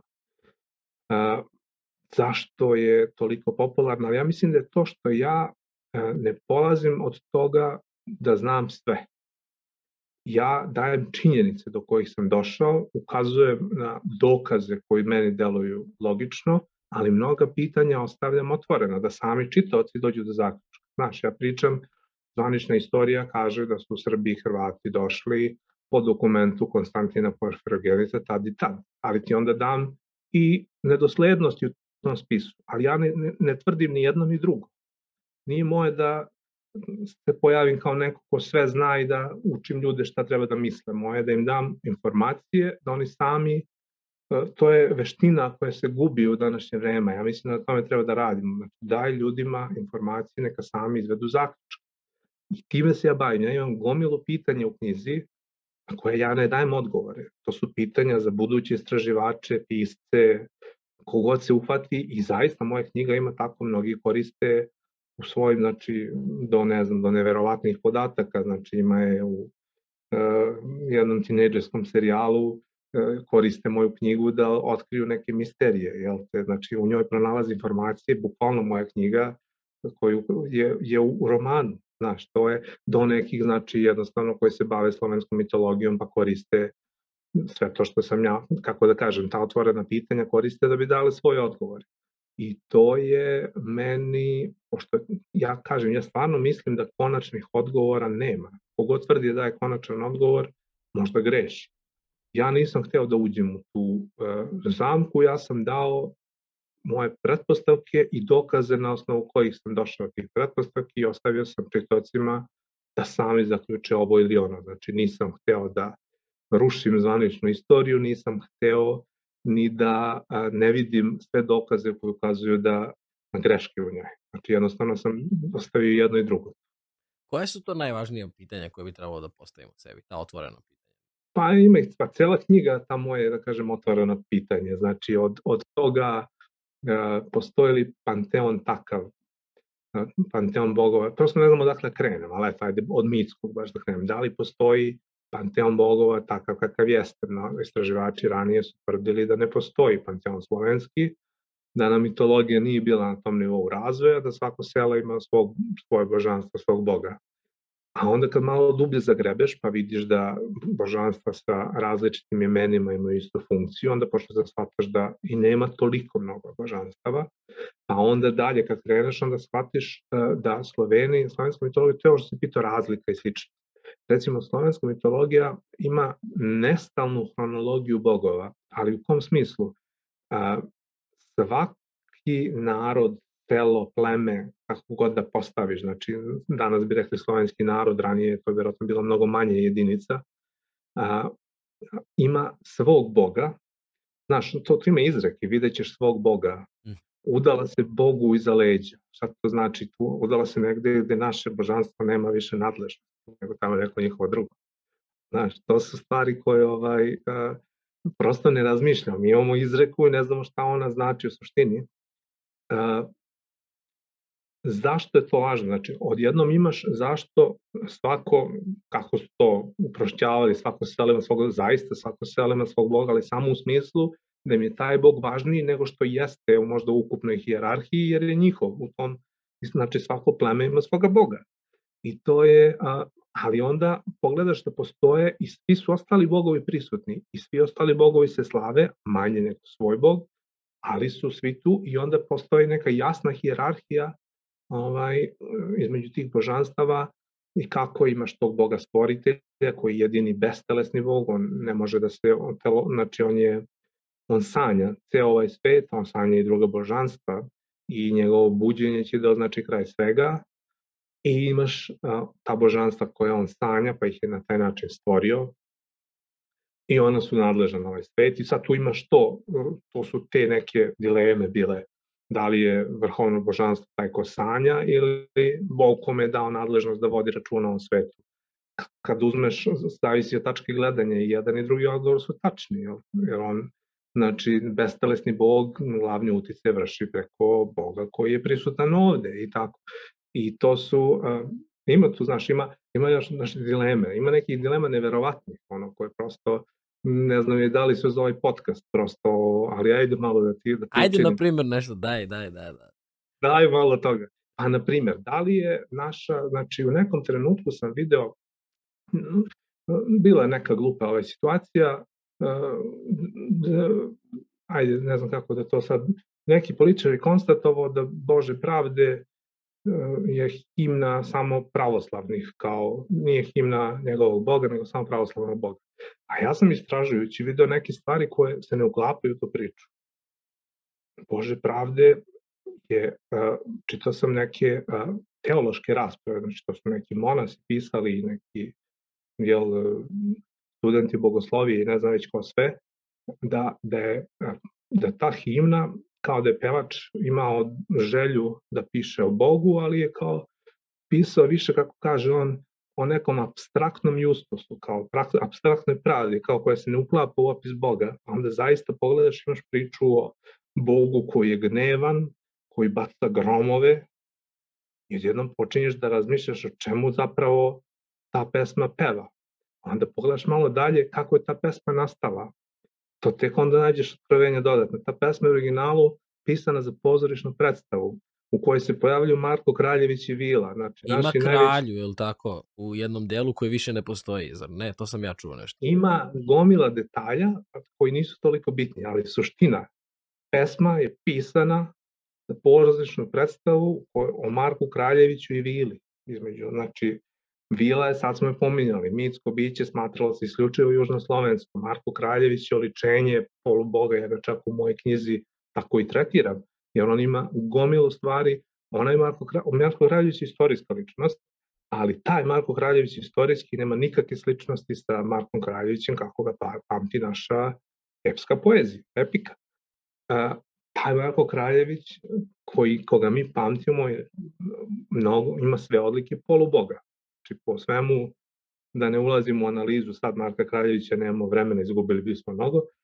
I onda kad imaš pesmu pisanu za tu pozorišnu predstavu, skoro da je sigurno da Bog koga pominju tu nije onaj koga mi danas smatramo kad pevamo tu pesmu. Znači, i to je recimo, meni ja ne znam to, niti mogu da tvrdim, ali vrlo verovatno da je naša himna zaista slovenska himna koja peva o slovenskom Bogu.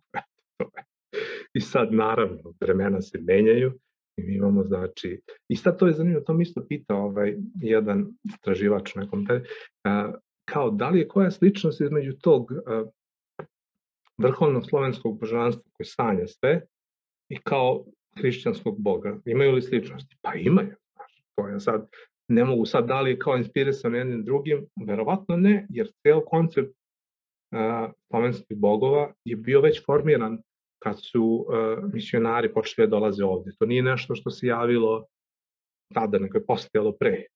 Znaš, i mi sami, mi sam, ne znam, naziv raj nije iz hrišćanstva, to je naziv za dom za pravedne koji je postojao, koji je znači samo preuzet iz slovenskih verovanja jer se uklapao u, u koncept znači pravoslavlja, onda, kod nas pravoslavlja, generalno hrišćanstva na najširem mogućem nivou, I ovaj, jednostavno mi smo imali uh, vrlo razvijene te neke stvari još tad, ta verovanja, koja su jednostavno bile, lako je bilo pretvoriti ih u hrišćanske neke stvari, jer se poklapaju, jel, dom za pravedne slovenski ili dom za pravedne raj tad u hrišćanstvu znači isto i zašto da se ne preuzme i termin. Šta, šta je još šta je još bilo tu što je Eto što smo pričali, da li, evo sad smo pričali to, to je znači sad uh, niz polemika koja se vodi, znači da ja zaista, znači to je priča se, ne znam, možeš ti pričaš teorije zavere, Bečko-Berlinska škola koja tvrdi da je, ne znam, sva sadašnja istorija koju učimo kreirana u Beču za nas. Imaš s druge strane kako bih nazvao, ovaj, autohtonce, znači ljude koji tvrde da su, da su, znači, da smo mi svi od uvek ovde, da se nikad nismo stelili. Ja mislim da je to nešto da jedan čovjek ne može da dođe do tačnog odgovora, ali ja sam, nisam zatvarao oči na jedne dokaze, znači to je, ja sam, pošto ja nisam imao, ja sam pisao knjigu o mitologiji, o mitoj, ja nisam imao agendu koju hoću da isteram, moje bilo da sve što uočim da je nelogično pomenem a da ostavim drugima da to tumače. Znaš, to je uh, pozicija, jer ja sam se nisam bavio, to, to već ulazimo u istoriju, znači, ja sa istorijom sam se bavio, kako bi rekao, samo i samo odbrane, samo onaj deo koji mi je bio neophodan da bi objasnio kad smo mi došli ovde, da li smo, znaš, neke te naj, najbazičnije stvari, ali znači, sem toga, i to se, ja mislim, sve završava u prvom delu, posle se istorija nigde više ne pominje, tako da ja, pošto nisam moja knjiga se ne bavi znači prvenstveno istorijskim pristupom šta se dešavalo, ja sam imao tu potpunu slobodu da pišem šta kaže istorija i da pišem sve što se ne slaže sa tim, da ostavim i jedno i drugo na videlu. I ja mislim da to ljudi vole, uglavnom smo, ušte smo neka totalitarna vremena, ljudi su uvek u jednom ili u drugom rovu. Ja sam se sve vreme trudio da ne budem u rovu, nego da jednostavno gledam kao misleći čovjek da vidim i jednu i drugu stranu. Pa nema više tih priča oko vatre, kao što si rekao. Ja mislim da je zbog toga danas je bitno kom si timu, koja je tvoja boja, koji je tvoj stav. Internet je otvorio mogućnost da svako ima a, priliku da kaže svoj stav, ali ono što je što smo zaboravili zato što nam je toliko atraktivno i lako da kažemo svoj stav jeste da preispitamo svoj stav. I zapravo vrlo često naši stavovi apsolutno nemaju veze sa onim što mi, u šta mi verujemo ili u čemu mi razmišljamo. Uh, I to je ono što je možda danas uh, specifično za ovo vreme je da možeš lako da upadneš u taj talas i da kao što riba ne vidi vodu, tako i mi ne vidimo uopšte odakle to dolazi. I zato mi je... Ima jedno čuveno, ne vidim šumu od drveća. Od, e, upravo tako.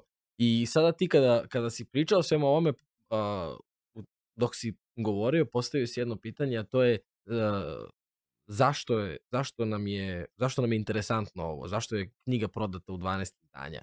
Upravo zato što mislim da uh, kada iole kreneš da razmišljaš, shvatiš da ne postoji temelj na kom stojiš. I to je onaj na, najveći strah valjda koji nam je urađen, a to je da o strah od, od glasnog zvuka i propadanja. I kada, da, kada pričamo meta, da. tako je, tako je, ali kada pričamo metaforično, mi, ti zapravo nemaš temelj i onda se hvataš ti običaj i, i, i žive zato što zato što ih ti po, mi ja ih lično, da, da ne idem sada u generalizovanje, ali ja ih lično vidim kao neki temelj koji kada bi mi neko oduzeo bi predstavljao veliki problem za, za pitanje mog, mog postojanja i mog identiteta. Ta, ta, tako je. Oni jesu temelj, tako ih doživljavaju, bukvalno se Znači, to je, običaj su nešto čega čovjek nije svestan dok ne ode kao mlad nije svestan, on misli da svuda tako. kad prvi put otputuje negde drugde, on se potpuno iznenadi shvatajući da je tako samo kod njega. Znaš, i to je taj identitet koji mu posle ostane, jer, znaš, ta slava koju mi slavimo, koja je očuvana u potpunosti samo kod Srba. Ima je u, u tragovima i u delovima i kod drugih naroda, ima i u Rusiji, oni imaju taj neki dan predaka gde se ima dedovski tanjir gde se ostavlja za predke, ima i kod naših suseda svih, ali recimo kod Srbe tako očuvan savršeno, znači svi detalji, a očuvan je zbog pravoslavlja. Znači to je sad ono zanimljivo.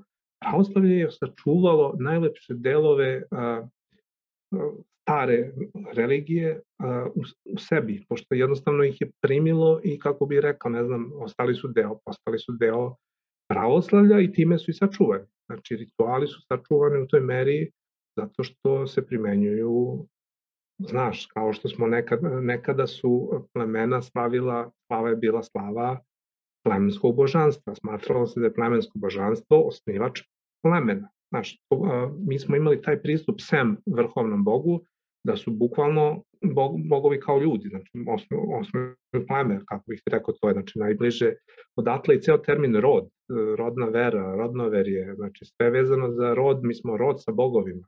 Znaš, ako je bog osnivač plemena, onda i mi potičemo direktno od bogova. I to je, to je koncept e, stare slovenske vere bio.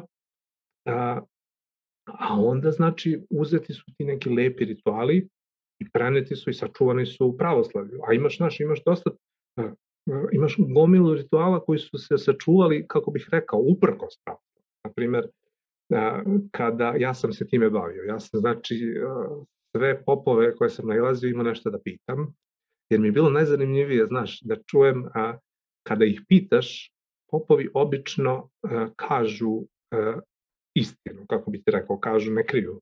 Ako ti već imaš pitanje, onda znaš dovoljno i oni kažu šta i oni znaju.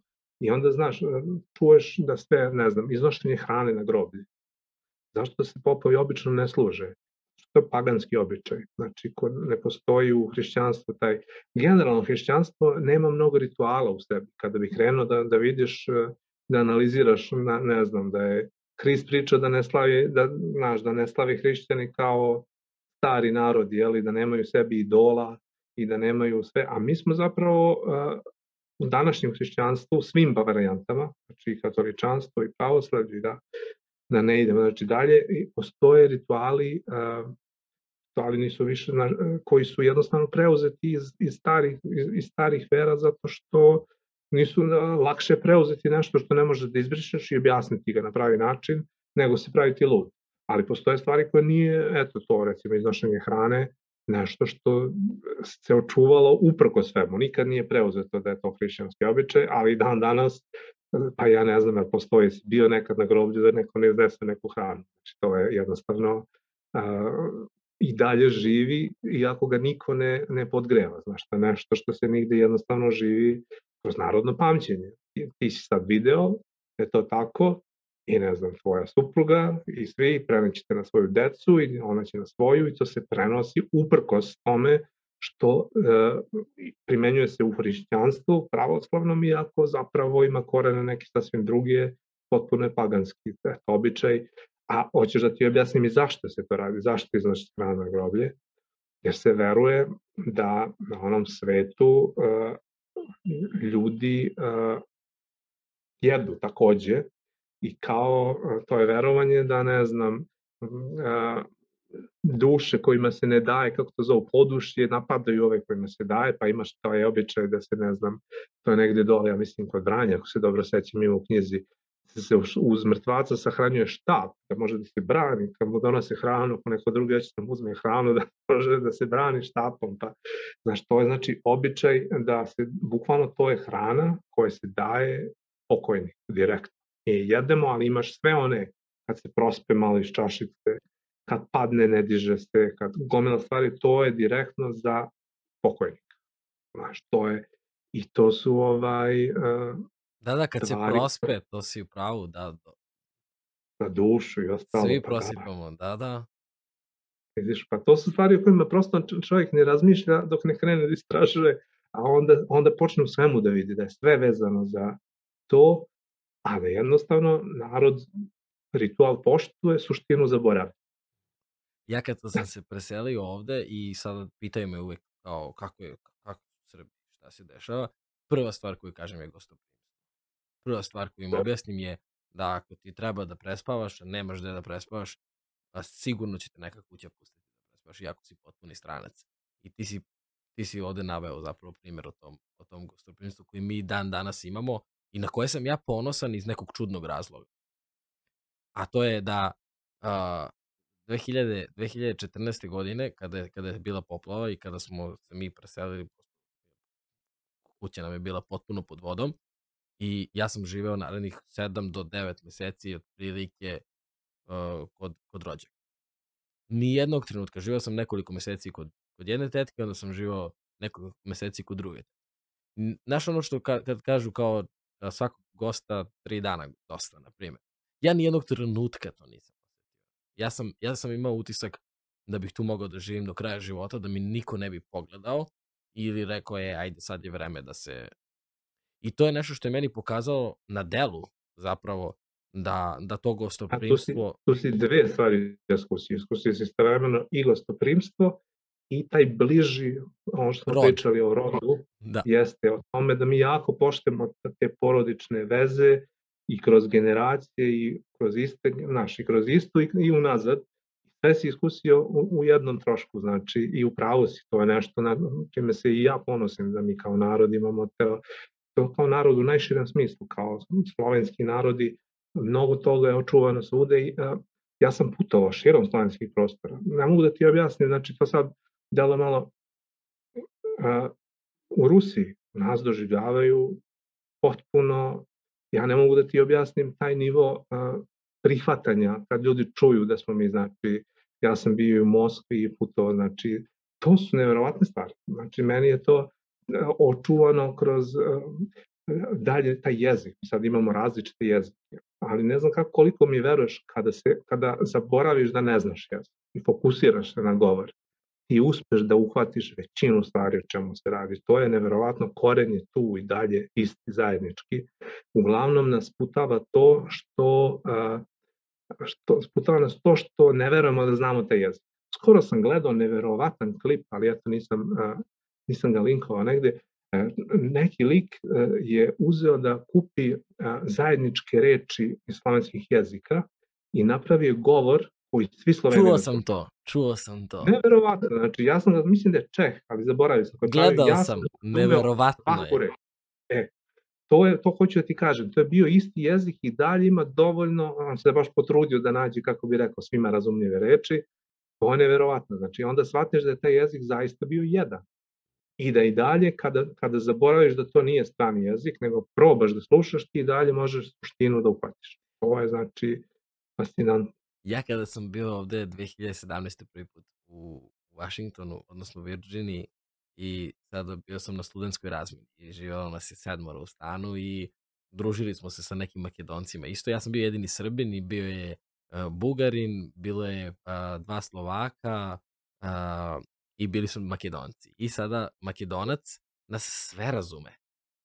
Ako Bugarin priča, on, on razume. Ako pričam ja, on me potpuno razume. Ako priča Slovak, on, on razume to. Kada, kada Makedonac priča, mi svi njega razume. Sedimo, e, o, o, o, ma, a, sedimo na terasi, Makedonac priča vic i na, nas iz pet različitih zemalja, svi se smejemo na makedonski vic. Sjajno.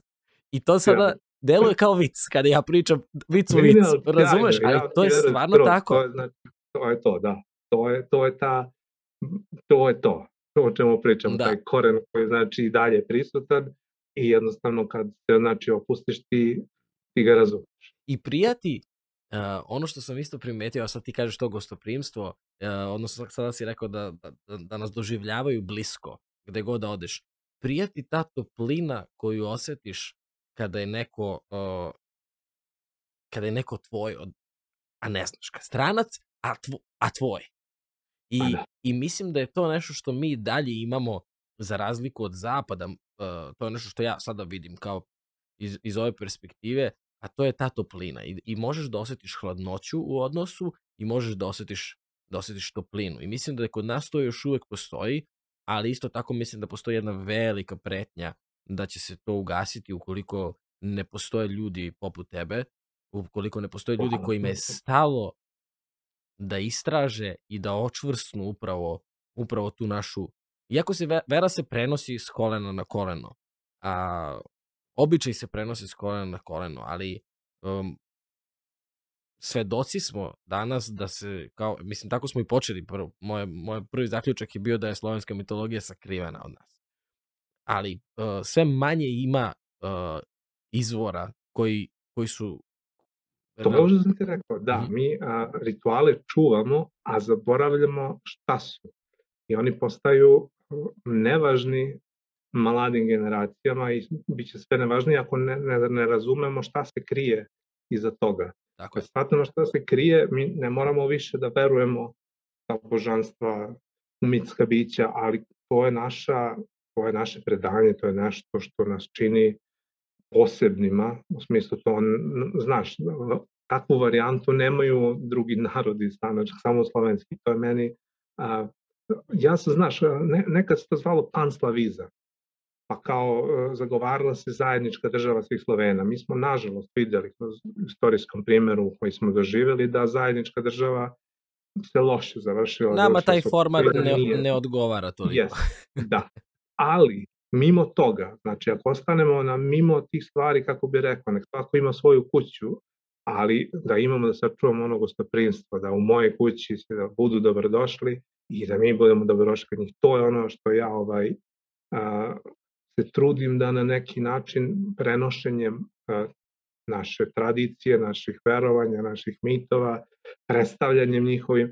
Skoro su me pitali u biblioteci na gostovanju a, kako, a, kako nešto što je toliko dugo prisutno tu i odjednom je sad zanimljivo svima, u smislu sad se pišu romani na tu temu, a do pre, znači, do pre moje knjige, počeo, mislim, Tešić objavio prvu knjigu pre mene, recimo, u svoj roman, pa sam objavio slovensku mitologiju, ali, znači, ali generalno pre, pre toga niko nije, ovaj, a, niko nije pisao o tome, kao nije bilo, da li moguće, mislim, pisali su verovatno, ali sam mnogo manje.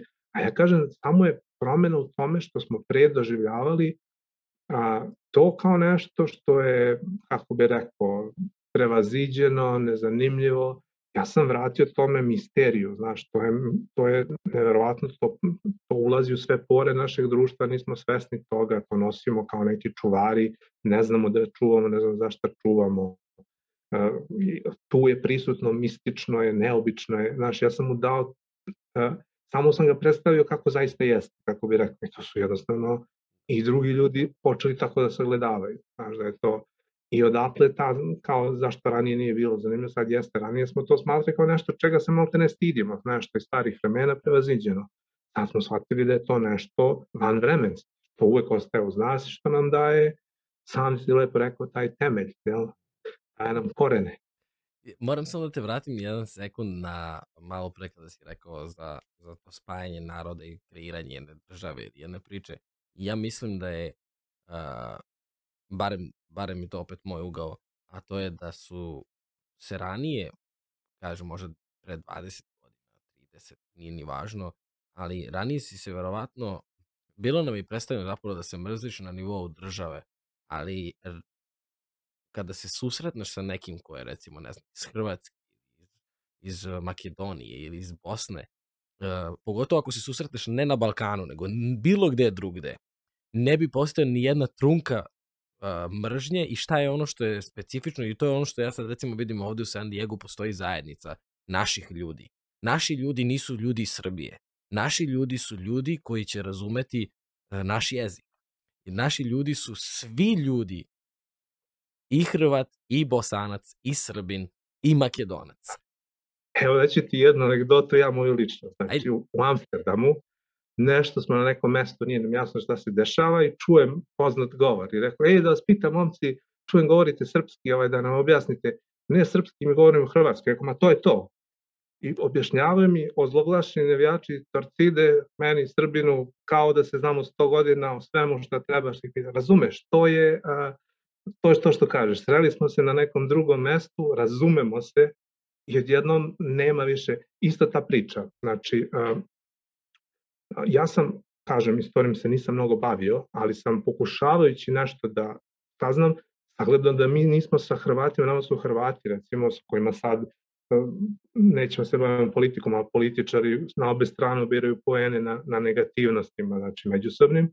Mi do 20. veka nismo imali konflikt, znači to su bile pouzdane komšije, mi njima i oni nama, čuvali smo leđe jedni drugima, to je bila najsigurnija moguća granica, znači gde se, gde se dodirnemo, znači Srbi sa Hrvatima. Neverovatno kako smo vekove uspeli da upropastimo u, jednu, u nekom kratkom periodu 20. veka i kako i dalje gradimo na tome neke ono lake poene političke i, i narod to guta umesto da, znaš, umesto da imamo dobre komšije ili što bi oni rekli dobre susjede, mi ovaj, ovde nasedamo na neke naš, ono, vrlo, vrlo neinteligentne. O da, znači... da, ali sve manje. Znaš, ja danas yes. kada, kada upoznam nekog uh, koji ima 25 godina, nema, ne, ne, ne bismo čak ni pokrenuli temu. Bilo kakvog rata ili sukoba. I to je meni, to je meni jako zanimljivo da zapravo, ali to je ipak i, i ona druga strana, to je da ono što je nekada bila država i ono što je nekada našta si mogao da se osloniš i da kažeš, e, ovo je država kao institucija, danas malte ne više i ne postoji. I gubi jedan potpuno uh, glas, prosto gubi, gubi, gubi postojanje u tom smislu, a opet ovo, ono, kao što sam ti rekao, na, pre nego što smo krenuli, ja ne volim da pričam o politici iz prostog razloga što sebe ne smatram relevantnim, ali ono što mogu da kažem sigurno da je moj deda pre 50 godina mnogo više verovao u bilo šta tog tipa, pričamo o institucijama, nego što ja danas verujem i nego što ja mislim da će jednog dana moja deca verovati. Tako, u, ako, ako nastavi ovaj trend koji, koji imaju, imaju trenutno. Ali da se mi vratimo na neke mistične prostore kod nas, spominjao si magiju. Magija je nešto što ja, ja, ja često u šali kažem, moja mama je rođena na Vidovdan. Ja često u šali kažem, neko, ajde samo... E, to je, mama, to je moja mitologija. Da, da, kad si, re, kad si rekao, hteo sam, da, hteo sam da ti kažem to. Ovaj, I ja često u šali kažem, ej, ajde, kaži mi samo šta će biti ovo ili tako nešto. Ali se... Izvini, samo video da moram te ratim. Znači, ja to pričam. Piš, ja sam to pisao u knjizi ne znajući kako će knjiga da prođe i ne znajući šta, ali to verovanje kaže da je na, na vidov dan, na vidov dan kao sveti vid, svetovi, znači slovensko božanstvo, sve što se iznese na sunce, dakle vidi sunce, tad se iznosi, ne znam, sve, sve vidjet će se na celom svetu, kao sveto vidi božanstvo s četiri glavi koje vidi sve četiri strane sveta.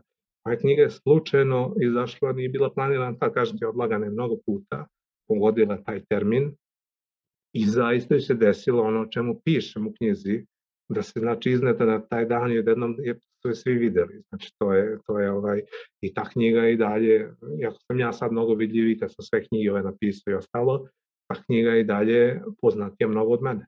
Znači, mnogi ljudi koji imaju moju knjigu ne znaju kad bi me videli da sam ja napisao niti da imam veze s tim. I meni je to u redu, to je sasvim dobro. Znači to je bolje da moje knjige budu poznate nego ja. Zato izbegavam ovo što sam me pitao, da se mnogo slikam. Znači, slikanjem stavljam sebe u prvi plan više volim da su moje knjige u prvom planu, znaš, to mi je značajnije i ja se često pravim, a, lakše mi je da mislim da me niko ne zna. I onda dođem ponekad u neke neobične situacije, kad je bila prošle godine, mislim, promocija, kao ja sam, imam neko vreme, stigao sam ranije, odem kao u park i izujem se onako bos, kao malo da kao iz, no, iskuliram, što bi rekli, znaš, nikome kao ne zna šta sad, dolazi neki čovjek da mi kaže, ej, kao ste vi onaj pisac, da sam mnogo dobra kao priča, mi se vidimo neka televizija, ja, znači, bosih nogu, sedim u travi i razmišljam koji sam, znaš, kao, to je kreten, kao, znaš, ali dobro, to je ovaj, e, više volim taj, da imam taj pristup da nisam poznata ličnost, jer onda nemam opterećenja zbog toga i više volim da moje knjige budu poznate i zato stvarno ne gostujem često na, ne slikam se često. Ovo mnogo govori o tebi. Ja siguran sam da to znaš, ali ovaj, ovim si baš, baš mnogo rekao, rekao sebi i ovaj, to je neki utisak koji sam ja stekao i, i kada, smo, kada smo se samo dopisivali na tom, na, kada smo prvi put počeli da komuniciramo, uh, to je stvarno, ta, ta, ima rečenica koju ja obožavam, a to je da skromnost uh, najlepše stoji ljudima koji nemaju razloga da budu skromni. I, ovaj, i, To je veliki kompliment, i to, to je stvarno, pa mislim, mislim stvarno jeste tako, ne, ne treba ništa sada ovde oblikovati ili, Da. mada kada si rekao za, za, za Vidovdan, rekao si slučajno je objavljena i mi tom logikom možemo da pakujemo stvari i da kažemo, a pa da, to se tako, tako se namestilo, tako je slučajno bilo, a opet sa druge strane da kažeš, ali sve se dogodilo što sam ja pisao. Znaš, i recimo, ja kažem u šali, ja kažem mami, e, kaži mi šta će biti i tako dalje, ali sa druge strane, kada je, pošto je moja majka imala jako specifičnu trudnoću sa mnom, ja sam bio treća beba i svi su mislili da ni ja neću preživeti. I moja majka je rekla da će ovog puta roditi zdravog dečaka koji će se zvati Ivan i koji će imati uh, zelene oči. I pobedili smo apsolutno sve statistike, proračune medicine u tom trenutku i tako dalje. Da kada sam ja 20 To je godina kasnije upoznao uh, doktorku koja je celu trudnoću, pošto moja majka bila 9 meseci u bolnici, svih 9 meseci koliko je bila trudna, kada sam upoznao doktorku, ja nisam rekao čak ni ime ni prezime, ja sam samo stao ispred nje, žena je počela da plače i rekla je, ovo je moja beba, prepoznala me je. I rekla, Nevjerovatno. kada smo pričali, rekla mi je, ti si bio jedan u milion koji će se roditi na taj način. I hoću ti kažem da prosto možemo kroz šalu pričati o nekim stvarima i govoriti slučajnosti ili tako ili ne, ali sa druge strane moraš da staviš i da, da staneš i nekada da kažeš, ej, nečeg tu ima. Ako, to, ako je to živo, po znacima navoda, toliko vekova, tu nečega ima, jer očigledno da je čista glupost, to bi nestalo posle nekoliko meseci. Ja, kako ja to, bukvalno, par puta sam tako rekao, to je najbliže što mogu da opišem. Ja ne verujem u vile ni u mitska bića, ali se ne bi iznenadio kad šetam šumom da naletim na jedno. Znaš, prosto je taj, uh, takav je moj odnos, znači sa tim potpuno sam otvoren na mogućnost da, da sve to o čemu pišem zaista postoji, iako u suštini kao imam taj naučni pristup. Da, da, ja sam, ja sam delio sobu jednu trenutku na jednoj studentskoj razmeni uh, sa Jamajčaninom. I normalno da sam ga odmah pitao kada smo postali već drugari uh, za vudu magiju. I on mi samo rekao, nikad više nemoj da me pitaš, ne mogu da ti dam nijedan odgovor šta god da kažem, znači će da verujem.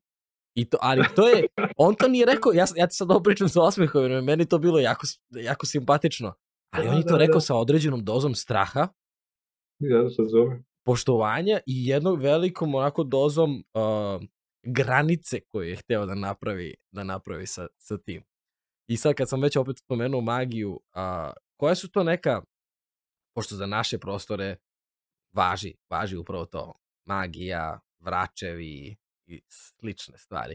Koje su to neka mitska mesta? Znam da pričaš u, u knjizi o tome, pogledao sam onaj, onaj uh, tako je, a, samo barem jedno mesto koje bi, koje bi bilo zanimljivo. Vidi ovako, ono što moraš da razumeš, magija je, nije više onaj nivo koji sada, mi sada imamo, magija je bila nešto praktično. Znači, magija je bila pokušaj da utičemo na, da čovek utiče na a, božanstva i na način neke stvari koje su onostrane, kako bih rekao. Znači, to je a, bukvalno praksa, to je praktično. Mi danas, to, to a, kad, kad idu ljudi, znači, ne znam, do onih Milan Tarot i gomila ljudi kojima se javljaju, oni i dalje traže praktičan, znači praktičan savet i sve moguće vračare i sve moguće gluposti i znaš, jako to sad mnogo toga, znači uvek je bilo šarlatana, mnogo više nego, ali kažem, meni je, kad, kad sam ja istraživao to, meni uvek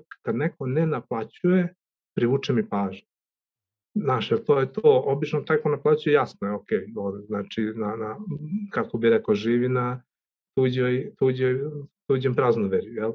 Ali ti ljudi koji nešto rade, nešto primenjuju, a ne, ne, ne uzimaju za to nadoknadu, ti ljudi moraju da ti privuku pažnju. Zašto to rade? Jer imaju zaista nešto da ponude, znaš, možda i oni veruju, možda su i oni praznari sami po sebi, ali to je uprošćavanje cele priče, znaš, da oni podrede uh, jedan period svog života radeći nešto da što ne traže nadoknadu, e, takvi ljudi su meni uvijek zanimljivi tu se trudim da saznam šta je i da ispratim detaljnije.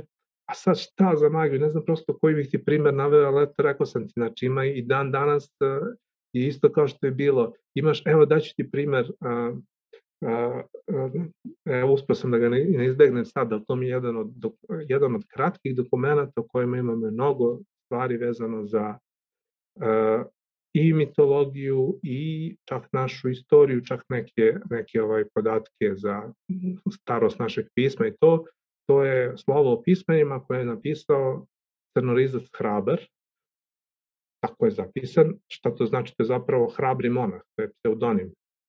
Znači crnorizac nosi crnu rizu, jasno ti je, i ovaj, zašto je uzeo pseudonim, ustao je u odbranu a, Čirila i Metodija i njihovog pisma. I sad moraš da se malo, da shvatiš vreme koje je tad.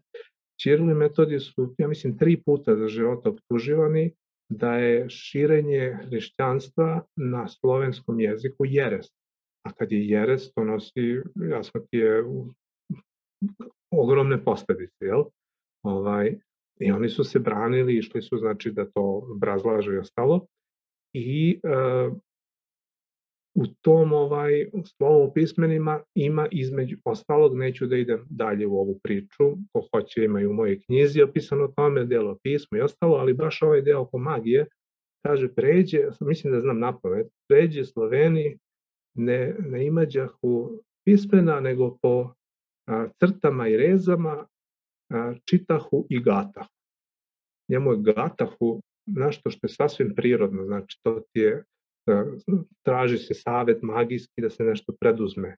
Imaš e, uvek se od sveštenika, e, znači stare veri pričam, posebno sveštenika Svetovida, tražila tražio savet i pomoć pre preduzimanja nekog ozbiljnog pohoda, tipa ratnog, jer se smatralo da Bog može da vidi ishodu napred i da se odustane ako ishod nije povoljan. I postoji sad niz načina kako se to rešavalo, znači koji su magijska praksa, podrazumevala je često konja, zašto konja, se smatralo da noću božanstvo dođe i jaše to konja, a danju ga čuvaju sveštenici, pa je onda taj konj se vodio da, da li će da nagazi na neka koplja i to pišemo u knjizi da ne širimo mnogo, ali se smatralo da zapravo ne gazi konj, nego da božanstvo upravlja konjem koga vodi sveštenik i tako se dolazilo do nekih odgovora i to ti je sve znači magija vezana za sve ostalo koje je u praksi. Znači, sad mi možemo da politizujemo pa da kažemo da su ti sveštenici bili vrlo moćni uticajni, da su možda mogli da jel te svojom voljom utiču na državnu politiku time kroz manipulacijom tim ovaj ali to ja ne znam da je to bilo tako to stvari znači ja samo znam da se tražio savet od božanstva za preduzimanje poduhvata. I to je ono što sam ja opisao kako se radilo iz postojećih dokumenta i to su obično, kažem, dokumenti a, hrišćanskih misionara koji su to zapisivali kao praznoverice, ali su nam ostavili a, tragove koji inače ne bi, ne bi ostali. Jer sad se priča da je a, slovenska kultura, kultura usmenog tipa, uz mogućnost da je bila, da nije bila usmena, nego da se pisano urezivanjem u zašto znači ima jedan od navoda koji je, se provlači kroz mnoge knjige i niko se nije zapitao kad kaže u čuvenoj Arkoni bio hram Svetovidovi da su bili e, da su bili kipovi svih božanstava kaže ispod svakog ime beše urezano. Niko se nije zapitao kojim su pismom urezani i e, ta imena tih bogova. Znači, moguće da su, da nije bilo, nije korišćen papir, to je sigurno, ali moguće da je bilo urezivanja na drvene pločice ili na kamen ili nešto, ali to nije, nema ovaj materijalnih ostataka iza toga, tako da je to neizvesno. Znači, to je nešto što ne bih mogo da tvrdim, ali kažem, postoje neki tragovi kroz te istorijske dokumente koji, isto ovo što sam ti rekao, pomenuo sam ti onog Rusa koji kaže o spaljivanju, a kaže da kad spale čoveka urežu njegovo ime na stablu drve.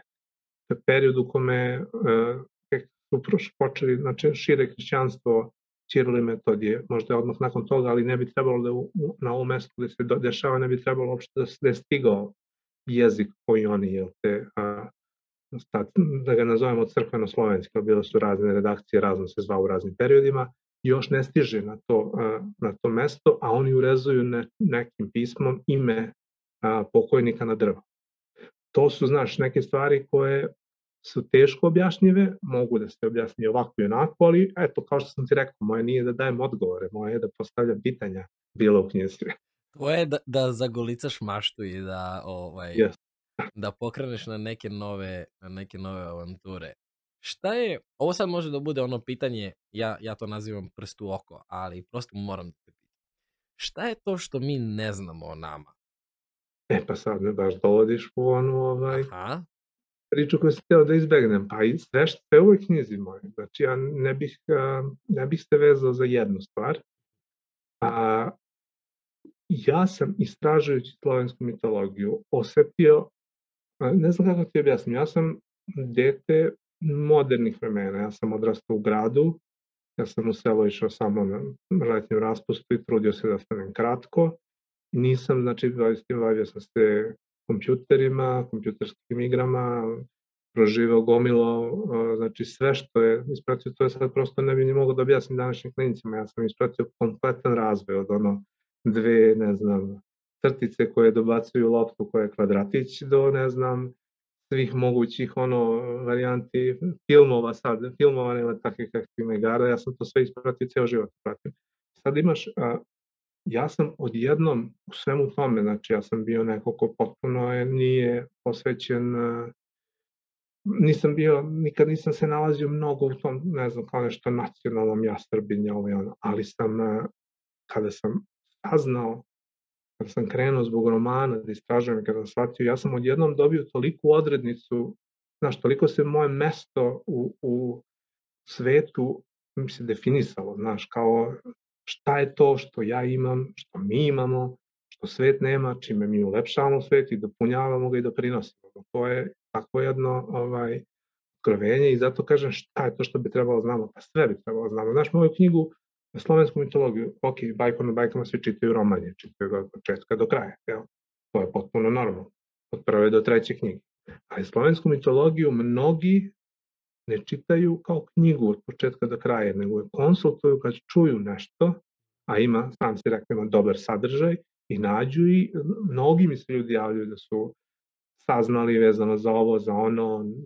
Znaš, imam neverovatno je koliko ljudi žele da mi prenesu koliko je, koliko je knjiga uticala na njih i još neverovatno koliko se trude da mi, ne znam, kao daju primere koje možda nisam pomenuo, ali ima kod njih u selu ili kod njih u naš, i od Slovenaca i od Hrvata. Znaš, ludilo dobijam ovaj, a, informacije koje, koje kao nisam, da li sam slučajno izostavio ili nisam znao, znaš, daju mi, šalju mi, jednostavno ljudi se, se nalaze u svemu tome. Prepoznaju se, to, to, to, baš to. to.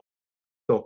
I to je po meni, a, znači, ja bih stvarno voleo ništa više nego da ljudi deo toga što sam ja osetio, znači deo koji je mene definisao, osete i oni, U smislu ne treba onda svi političari koji se busaju u grudi gube na značaju. Ljudi sami shvataju šta nosi, šta čuvaju i šta je njihovo. Znaš, gubi se ta nota, ta nota, ne znam kako da nazovem, ali ja sam, koja meni ne delo iskreno. Zato što, znaš, kad uđeš u suštinu toga, kad shvatimo šta smo mi više nam, niko ko se busa u grudi nije, nije, nije ovaj, nije značajno. Znaš, da sam shvataš šta, šta nosiš sebi i šta nosiš iz proteklih vekova i koliko si bitan zbog svega toga. Svako od nas, smo svi predstavnici. Znaš, mi smo, koliko ljudi govori srpski, to je mala cifra, znaš, srpski jezik govori, ja pisao sam na pogovoru bajke na bajkama, možda sam zaboravi cifra, ali tipa 13 miliona ljudi na čovečanstvo koje na naše oči poraslo već na preko 7 milijardi. Znači, to je zanemarljiv procenat, ali smo vrlo značajni zbog tih stvari koje nosimo iz davnina i koje čuvamo i koje sam ja ovaj se potrudio da prenesem i mlađim generacijama, da ne odrastaju samo uz, da ne navodim raznorazne youtubere i ne mislim to na tebe, nego na ove neki drugi, da se odmah ogradim, da se odmah ogradim, nego na neki ovaj drugačije koncipirane. I ovaj, znaš, koji, na neki način obrazujem, da kažem, nove generacije, ali ne trudeći se da ih obrazujem. Ne možeš, to je sad propalo i propalo. Ako pokušavaš nekog da obrazuješ, ti mu stvaraš uh, kontra efekat. ja ne, ja se trudim da ih zainteresujem, da im pokažem kako je tu, koliko je tu mističnog i neobičnog i čudnog i onda sami, razumeš, sami će da se obrazuju, nema potrebe niko da ih obrazuje i to je ovaj, a eto ti si rekao da se zainteresujem, mislim, dajem banalan primer, znači ti si voditelj emisije i rekao si da te interesuje da jedva čekaš da čitaš knjigu, to je to. I ti kad pročitaš knjigu, nešto ćeš tu da nađeš i prenosit ćeš dalje. I to je ono što ja zapravo se sve vreme trudim da, da postignem. Ti si, daš kako ja to vidim, ti si zapalio tu vatru i mi prilazi i slušamo. I to je, mislim da je knjiga, knjiga je uvek dar. Kad, kada, ovaj, knjiga je najbolji način da razgovaraš sa sagovornikom. Ukoliko nemaš podcast, pa onda možeš ovo. Ali ovaj, zaista, zaista na jedan... Uh, ja, ja mnogo volim da čitam i meni su... Uh, knjige su jedan veoma intiman razgovor u kom učestvuju, ja uvek kažem, tri osobe. Znači imaš ti kao čitalac, imaš uh, uh, pisca kao, odnosno autora i imaš onaj treći glas koji se javlja u jednom trenutku, a to je to, aha, ovo, ovo do sada nismo razmišljali. I o, o, odjednom svi mi pričamo sami sa sobom tokom celog dana. To, to nije više enigma, to je, to je normalno. Ali često nismo svesni tog glasa koji, koji priča. A dok čitaš, možeš da uđeš u jednu ozbiljnu, jednu ozbiljnu raspravu. Zavisno se od toga koja je knjiga, kako je štivo, o čemu se radi. Tako da ovaj, zapalio si vatru, pružio si, pružio si informacije i kao što ti kažeš, kaži? I ono što si ti nisi rekao je da, znači vi treba da priđete toj vatri što si rekao i da prenesete dalje, to je mm. suština. I to me skoro neko, a, šta mislimo raznim sad autorima koji koriste uh, mitske motive u svojim romanima, pa sad ovako ili onako, ja kažem, ja ih sve podržavam.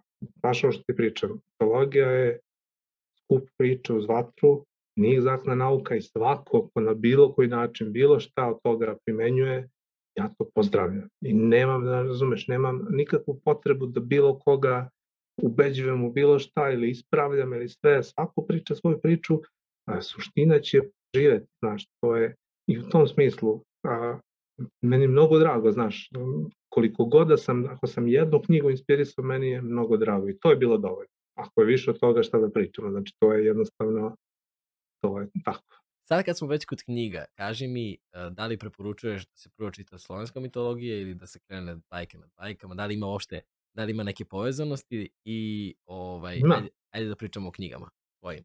A ima povezanosti mnogo, u smislu, um, pričali smo već, slovenska mitologija je nastala tako što sam ja prikupljao informacije za bajku nad bajkama, želeći da kad sam već objavio knjigu, posle mi se mnogo ukazalo jasno o čemu se radi. Znači, ako ja imam, ne znam, ovo je bajka i to je očigledno roman i to je očigledno epska fantastika i ne znam, evo ovde se vide tri pojedinačne knjige, ja mislim kako izgledaju.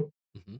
To je, ovaj, ali ja tu nemam potrebe više da idem u detalje. Detalji su u slovenskoj mitologiji. Ja mogu da pričam priču očima junaka, ono što oni vide, što oni su možda pričali, što su čuli u nekoj krčmi, u nekom razgovoru, u neku priču uz vatru, ali ne moram da idem u detalje, svi detalji su u slovenskoj mitologiji. Ima jedan mnogo dobar primjer, mali spoiler, tako da ću ga kažem, nije velik, ali ima znači u knjizi uh, situacije u kojoj uh, junak sreće uh, talasona. Talason je uh, specifična vrsta duha koji štiti građevine. Znači on nastaje tako što se ima i kod nas kod Vlaha recimo sačuvane zapise tome, što se osoba zazida, imamo zidanje skadra na Bojani, je primjer tog kad zazidaju, zašto je zazidaju, ne iz obesti, nego da bi ostala čuvar građevine.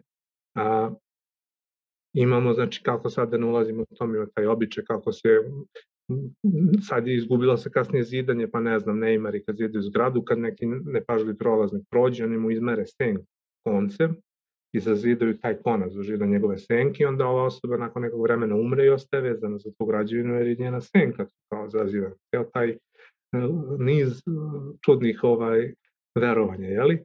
Ali a, junak u mojoj knjizi sreće Talasona koji ga napada. Zašto ga napada? Jer on to je sad nećemo da objašnjamo, smatra taj, znači smatra taj duh da on oštećuje to građevinu. Naravno, nećemo da ne, ništa ne spojljamo i on ne shvata šta se dešava, on pada u nekom trenutku na neko mesto, na neki sanduk, gde je taj zapravo zazidan. Taj mrtvac je u duplom unutar tog sanduka. I on ne shvata šta se desilo, ali on je lopov i on ima isto verovanje, sačuvamo i kod nas u Ivanjizi, to travi raspovnik koja otvara sve brave i koju kad kosi, ne znam, kosač, kad najđe na rashodnik, raspadne se kosta i sve ostalo. Znači svi, svi ovi kao, sve što je drži otpadne, ona ništa ne može, ona razvezuje sve veze, pa i magične. Njemu je uzidana, uzidana, njemu je ta trava, zasečeno je prst i stavljena mu je ta trava da bi mogao dobija da brave dodirom prosto. Što su lopovi radili na zapis, tome verovali su da kad stave raskovnik u palac mogu da dobiju svaku bravu dodirom. A ono što on ne shvata, da je on raskovnik razvezuje i magične veze. To je jedina trava koja može da oslobodi talasona, njegovog beskonačnog postojanja, beskonačnog dok traje ta građevina koja je tu. I on to radi time što se uhvati za mesto gde je on zazidan, jel? I oslobađa ga i on nigde u knjizi ja ne objašnjavam šta se desi. To je taj pristup, nema potrebe. Ja pričam iz, iz vizure uh, junaka, ali ako čitaš poglave raskovnik, naćiš tu informaciju da on ti dobije, uh, dobije cela priča dobije veću dubinu jer mnogo, ja tu se tu verujem u Hemingway, znači on ima dobru, dobru formulu, kad kaže dobro pisanje, i kaže kao Santa Leda, kaže dobar pisac proze koji zna to o čemu piše, ne mora sve da kaže, dovoljno kaže jednu sminu, koliko je Santa Leda koja se vidi, ako postoji ono dole, Santa će da bude čvrst. Znaš, to je, ja sam se trudio da, da taj pristup imam u svo vreme u pisanju, da, da ne zamaram, suvišnim informacijama, ali da sve ima svoje objašnjenje što se zašto se dogodilo. I to ti je ta veza koju si traži. Znači, ja kažem u predgovoru bajke, znači da dajem čitavcu izbor, da će da čita knjigu vezano, znači zajedno sa slovenskom mitologijom ili, da, ili tek povremeno da konsultuje slovensku mitologiju ako mu nešto nije jasno, ili će da zaroni u mračnu noć pripovesti koja sledi, znači bez predznanja, jer onda je najsličniji junacima same knjige. Znači, onda i on zna tačno onoliko koliko i on. Znači, to misliš je... da je bolje, ja te sad pitam kao, kao neko ko se sprema, a, ovaj, da čita, misliš da je bolje da prvo čitam bajku nad bajkama, pa... Mislim da je najbolje da imaš uz sebe kad čitaš bajku nad bajkama i mitologiju. Da li ćeš da je pročitaš pre toga celu, ili samo kad te nešto inspiriše na što si naleteo, ali to je po meni najbolji da uvek imaš kao tu kad nešto ti se učini da bih hteo više informacija ili da saznaš nešto više o, o konkretnom biću koje sreće ili nešto, to je, to je po meni vjerojatno bio idealan način da se čita, ali ne znam, pošto ni ja nisam čitao tako, znaš, moj, i moj put je, ja bih volao da ja mogu tako da pročitam da ništa ne znam, pa da ti kažem da li to savršen način, ali uh, nažalost, ja sam već sve to znao kad sam pisao, tako da je moja pretpostavka da je to recimo najbolji način. Ok, to sam, to sam htio da čujem. Bit, bilo mi je bitno tvoja, tvoja, tvoja mišljenje i tvoja ideja kako, kako pristupiti zapravo uh, tom sadržaju. E sad, zašto kažem da se ja spremam da, da čitam, zato što si mi ti rekao jednu veoma, veoma uh, odličnu vest, a to je da, da će biti dostupna knjiga i u uh, elektronskom sadržaju. Da, to je znači, evo sad prvi put pričamo, prvi put kažem, to je vrlo sveža vest, stara par dana. A, pre nekoliko dana sam konačno priveo kraju jedne ozbiljne pregovore koji traju, ja mislim, kraja avgusta ili početka septembra sa Bookmateom, a da sve moje knjige budu objavljene u elektronskom izdanju kao serijal koji će da ima 24 epizode po knjizi za ukupno 96 epizoda. Znači, bajka nad bajkama će krenuti prva. Eto, možda ti to odgovor. Znači, bajka nad bajkama će krenuti prva u prvom kvartalu iduće godine 2022. A negde pred leto i slovenska mitologija. I bit će praćene, to su znači e-epizode, kao e-knjige čitane na mobilnim uređajima. I drugi deo, možda još u skladu sa modernim trendovima, postojeće audio knjige. Znači, bukvalno, a, to je postojeće knjige koje možete da slušate, znači da ih čitate slušajući ih na, znači ne znam, da mu, deca pre spavanja, ljudi na džogingu, ljudi koji voze se na posao ili voze auto ili se voze javnim prevozom, a, pre spavanja da sami sebe uspavate, znači u bilo kojoj, ne, u, u, ne znam, teretani, u bilo gde imate neke repetitivne aktivnosti gde, nisu mnogo zanimljive, slušanje audio knjige im daje ogromnu draž. I ja sam se za to zainteresovao kada sam shvatio, kada sam čitao istraživanja, da audio knjige imaju neverovatan rast, tipa oko 28% sam dobro upamtio u proteklih 10 ili više godina na godišnjem nivou. Svake godine po toliko rastu. Jer smo živimo u tom vremenu ubrzanom, gde ljudi imaju gomilu vremena koje gube, znači gube u prevozu, ovo što sam rekao, znači čak i jogging, on jeste trening za telo, ali gube u intelektualnom smislu, umesto da slušamo stalno iste pesme koje su nam dojadile, možemo da slušamo knjigu od 5-6 sati, znaš koliko je to uh, intelektualni stimulan za čoveka. I meni je to recimo privuklo. Bookmate, Bookmate je počeo da baca veliki akcenat na audio knjige i to recimo jednostavno smo se tu našli da odjednom moje knjige sve bi postojeće, da ne pominjemo slepe, slapo, slebovide osobe kojima je to jedini način da čitaju knjige uz, na mobilnom telefonu. Postoji neki drugi naravno evo pismo i ostalo, ali na telefonu mobilnom, to je to. I na tabletu i ostalo. I ovaj, a, šta sam hteo da kažem za, a, nije, nije to, i to nije sve. Znači, ja od početka, i to je recimo jedna stvari, a, ja sam mnogo oslanjam na našu narodnu epiku. Neki ljudi to obožavaju, neki mi to zameraju. To je znači jedna od stvari, glavna zamerka moja, što se ja oslanjam ja sam hteo to da napravim slagalicu od naših narodnih pesama koja pravi jednu ogromnu priču i bajke i pripovetki, koja pravi jednu ogromnu priču koju vi znate epizode, a ne znate gde vas vodi od početka do kraja. To je, to je bila, znači ja sam to hteo i ja sam to i uradio. Ja sam hteo da ne menjam te pesme, da ne menjam poruke. Ja smatram da te mitske poruke dolaze iz daleka, da ja nemam prava da ih menjam. Mislim, možda bih se usudio, ali smatram da ne treba, znači da one nose neke poruke. Ja sam se trudio da a, sve epske pesme poređam u jednu priču i da ti znaš, kao što sam rekao, delove, ne znaš celinu. I a, bilo mi neverovatno kada sam na kraju, već sam završavao treću knjigu i bio sam oduševljen kako je kraj i kakav je, znači šta, neverovatno se dešava kada sam shvatio, opet priča o kolektivnom nesvesnom, kada sam shvatio da zapravo pratim mitsku matricu koja postoji već vekovima. Znači, napisao je Campbell, jo, Joel Campbell, ja mislim da je knjigu Heroj sa hiljadu lica, koja slučajno pratim. I ja shvatim da sam ja nisam znao, ja pratim naš mit i pokušavam da napravim priču od njega, I kada to uspevam na kraju, ja shvatim da pratim istu priču koju prate a, svi mitovi vredni prepričavanja od Ilijadi, Odiseje, pa nadalje, i ranije verovatno. I kod nas sad, shvatim da nisam jedini koji se potpuno fascinirao time, ja to saznajem kasno, ja sam znači oduševljen kao u smislu ovo je super, ovo niko nikad nije uradio, da bi shvatio da tu istu priču George Lucas se, se uh, zapanjio kad je shvatio da njegovi radovi zvezda prati tu priču.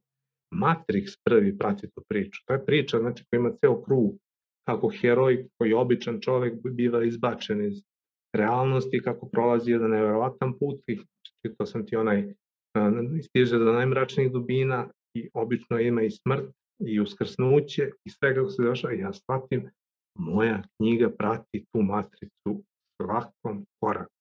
I da ja toga nisam svestan, da je to skoro neverovatno. Znaš, ja se sve vreme trudim godinama da uklopim e, priče i pesme, da to ima smisla, da ima neka priča, da bi se na kraju shvatio da sam bukvalno radio kako se radilo od uvek. Verovatno nije bilo drugog, pošto ja pratim to mitsko, verovatno drugog rešenja nije bilo. Jel? I eto, to je... Ovaj, pa to je meni bilo, znači, otkrovenje, znaš ali onda to bude i lakše. Znači, ako se to nekako samo namestilo da, da, da, da me uputi na tom smeru, onda verovatno i priča će da, kao i ostale, da zaživi, znaš, da ima dužinu i na kraju ja sam probao da tu našu epiku kojoj preti realna opasnost da ode u zaborav. Mi učimo, uče deca u školi, ali to je jedino što još i ostalo. Ja sam se potrudio da je prenesem u opštu kulturu, u smislu roman koji je zabavno štivo, koji je najčitanija forma i da jednostavno na taj način obezbedim dugotrajnost tim porukama, ako verujemo da, da, da naša epika nosi poruka, ja verujem, ja ne bi znači radio to što radim, ja sam jednostavno trudići se da ne izmenim, znači, po, kako bi rekao, suštinu nijedna tih priča, a da ih uklopim u širu, ja sam preneo sve što sam čitao i što me je oduševljavalo i fasciniralo i u čemu sam nalazio te neke mitske tragove, sve sam preneo u formu romana koji je pre svega zabavan za čitanje.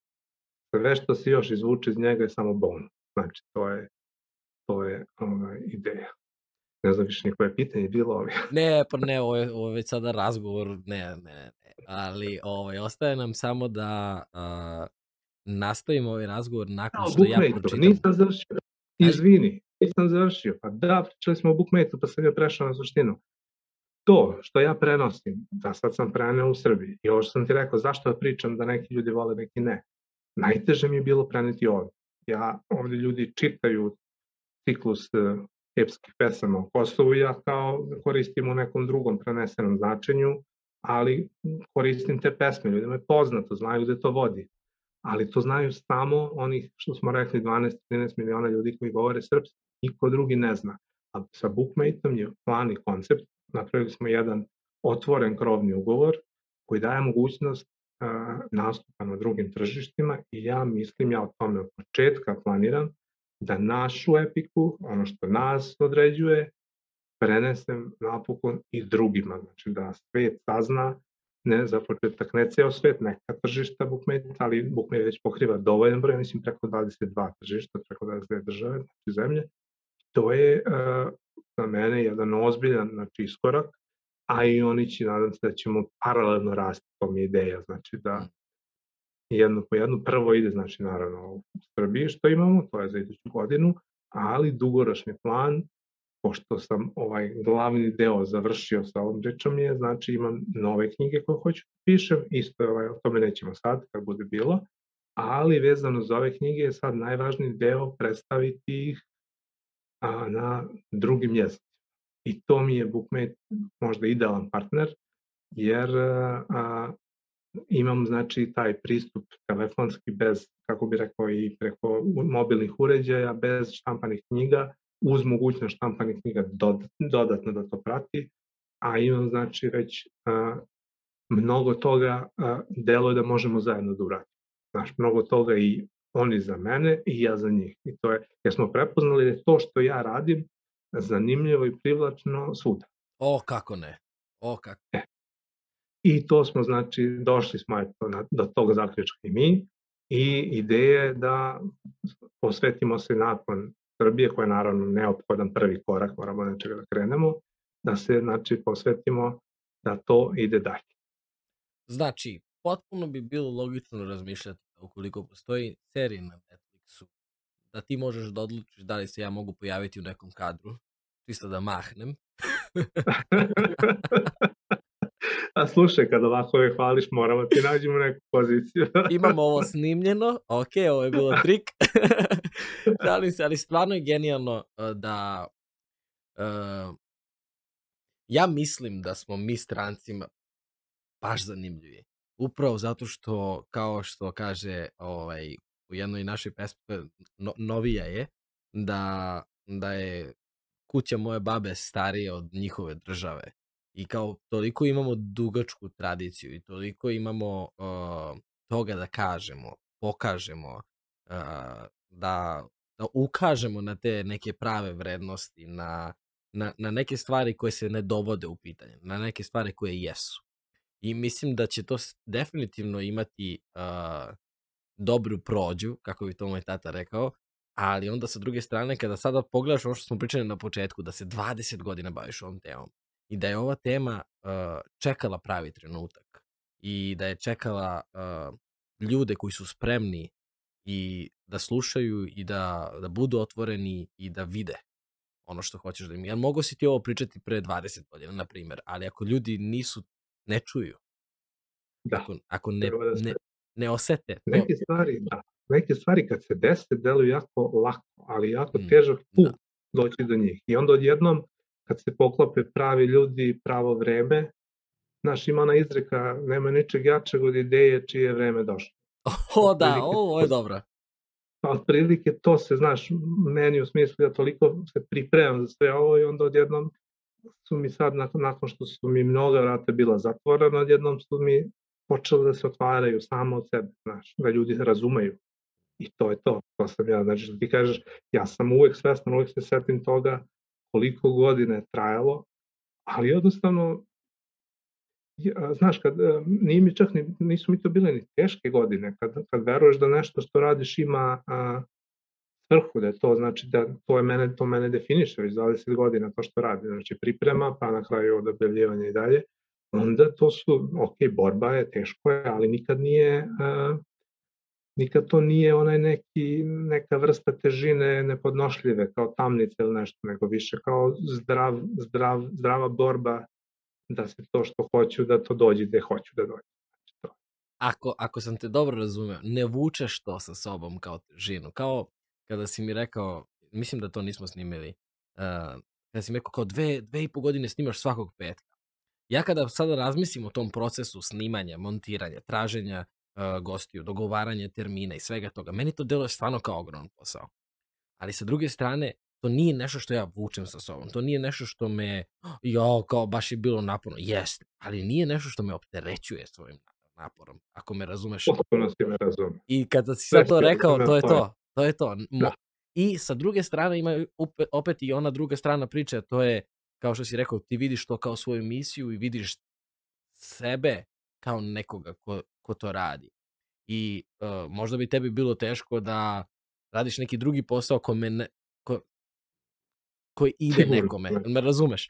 Ali radio kada se pronađeš... Ja radio, da, ja sam radio poslove koji, znaš, roditelji i dalje, sad su najzad počeli malo da shvataju, ali i dalje kao ne mogu da mi oproste što sam napustio posao u banci nakon šest meseci, kao idealan posao, gde sam menadžer filijale, predložen da bude direktor i sve ostalo, ali to nije bio moj, to nisam bio ja, taj čovjek koji dođe slomljen sa tog posla, kao da je kao porove, nije bio srećan čovjek, znaš, to je, a mene nikad materijalno nije bilo presudno. Naravno, svako očekuje da od toga što radi ima i neke koriste, ali mene nikad materijalne stvari nisu vodili. Znači, ne bi pisao knjige da sam, da sam vođen materijalne U Srbiji, stvari. da, a znam, znam šta pričaš. A čak i šire, znaš, postoje, ok, postoje izuzeci koji potvrđuju pravilo, ali mnogo malo, malo ljudi ovaj, može lepo da živi od pisanja knjiga, znaš.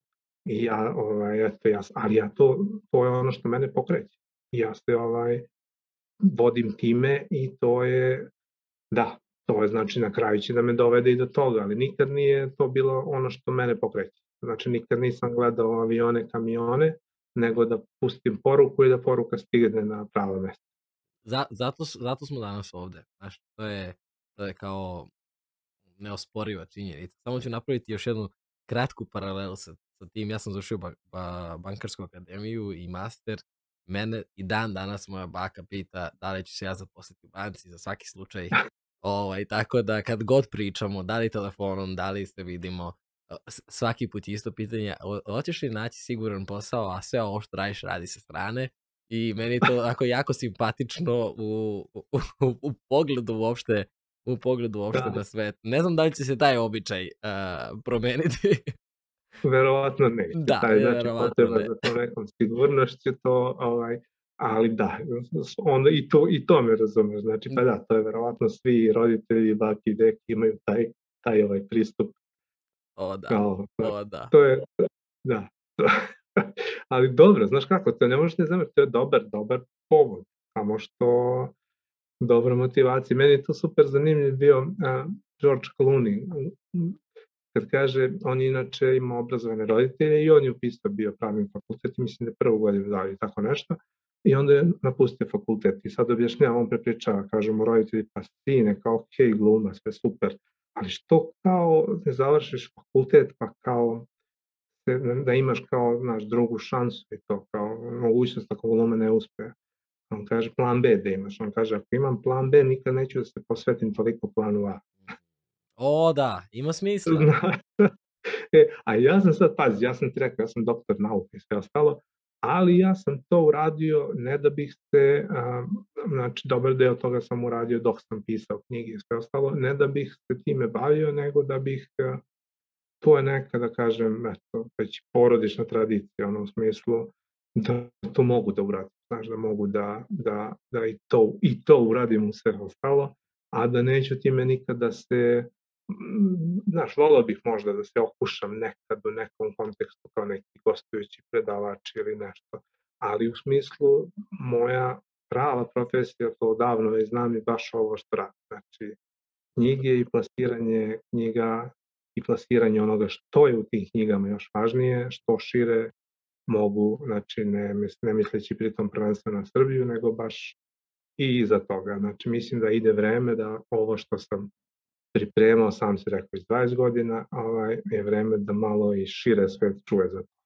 I baš se radujem, stvarno, evo koliko sada da kažem da te znam zvanično malo više od dva sata, stvarno mogu da, da osetim ovaj, uh, da sve to što pričaš je zapravo je tvoje i, ovaj, i koliko ti je stalo do toga. I taj, taj skup informacija koje ti posjeduješ i slušao sam ti kada, kada idemo, ja te ja, te, ja postavim jedno pitanje, ti kreneš, pa onda se setiš nečeg drugog, pa se vratiš, pa uh, prosto sve to, u taj svet u kom ti živiš je, je veoma, veoma zanimljiv i ona prednost podcasta je zato što su ovi razgovori nemontirani, spontani, pa onda i drugi ljudi uvlačimo prosto da imaju otisak i ja sam siguran da će svi imati upravo to ovaj utisak koji ja imam, a to je da, da je stvarno to tvoj život.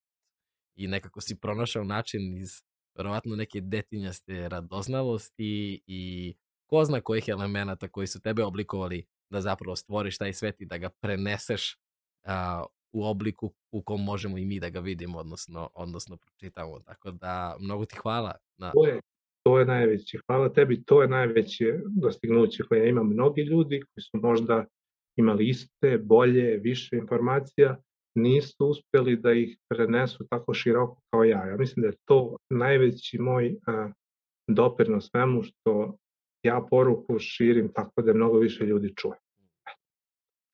Jako zanimljivo. Ja, jako si zanimljiv lik kao, kao, kao osoba, moram ti to priznati. I stvarno nam ne ostaje ništa drugo nego da snimamo ponovo razgovor kada pročitam sve knjige i kada se naoštrim a, direktnim pitanjima, koje neće biti opšta mesta kao što smo danas, danas prošli, ali prosto ja sam, ja sam imao dva puta, kao što smo i rekli, mogao sam da pregledam neka tvoja ranije gostovanja u drugim emisijama, da uh, ovaj, prelistam intervjue koje si ti radio i da prosto čujem, naučim i onda da postavljam pitanja koje su vođene tim. Međutim, mislim da je da, da smo radili dobru stvar, nadam se da si ti zadovoljan, a to je da smo da smo postavili ta neka opšta, opšta mesta, neka opšta pitanja i nešto što može biti osnova za, za, za, našu, za našu dalju priču. I ja mislim, meni se čini da je bilo zanimljivo, a nadamo se da će i gledocima da bude. Pazi, meni je proletelo od 2 sata i 17 minuta ovde vidim. A, meni je proletelo. Tako da to govori, to govori o tome. Da. Hvala ti puno i na, e, i na vremenu i na ovom razgovoru. Radujem se da, da se upoznamo i uživo kada, kada se vratimo u Srbiju, a radujem se naravno i svakom našem, našem razgovoru. Sve se slažem. Hvala puno i svima vama koji ste slušali podcast, koji ste sa nama sve ovo vreme. Uh, uživajte, želim vam sve najbolje. Pozdrav!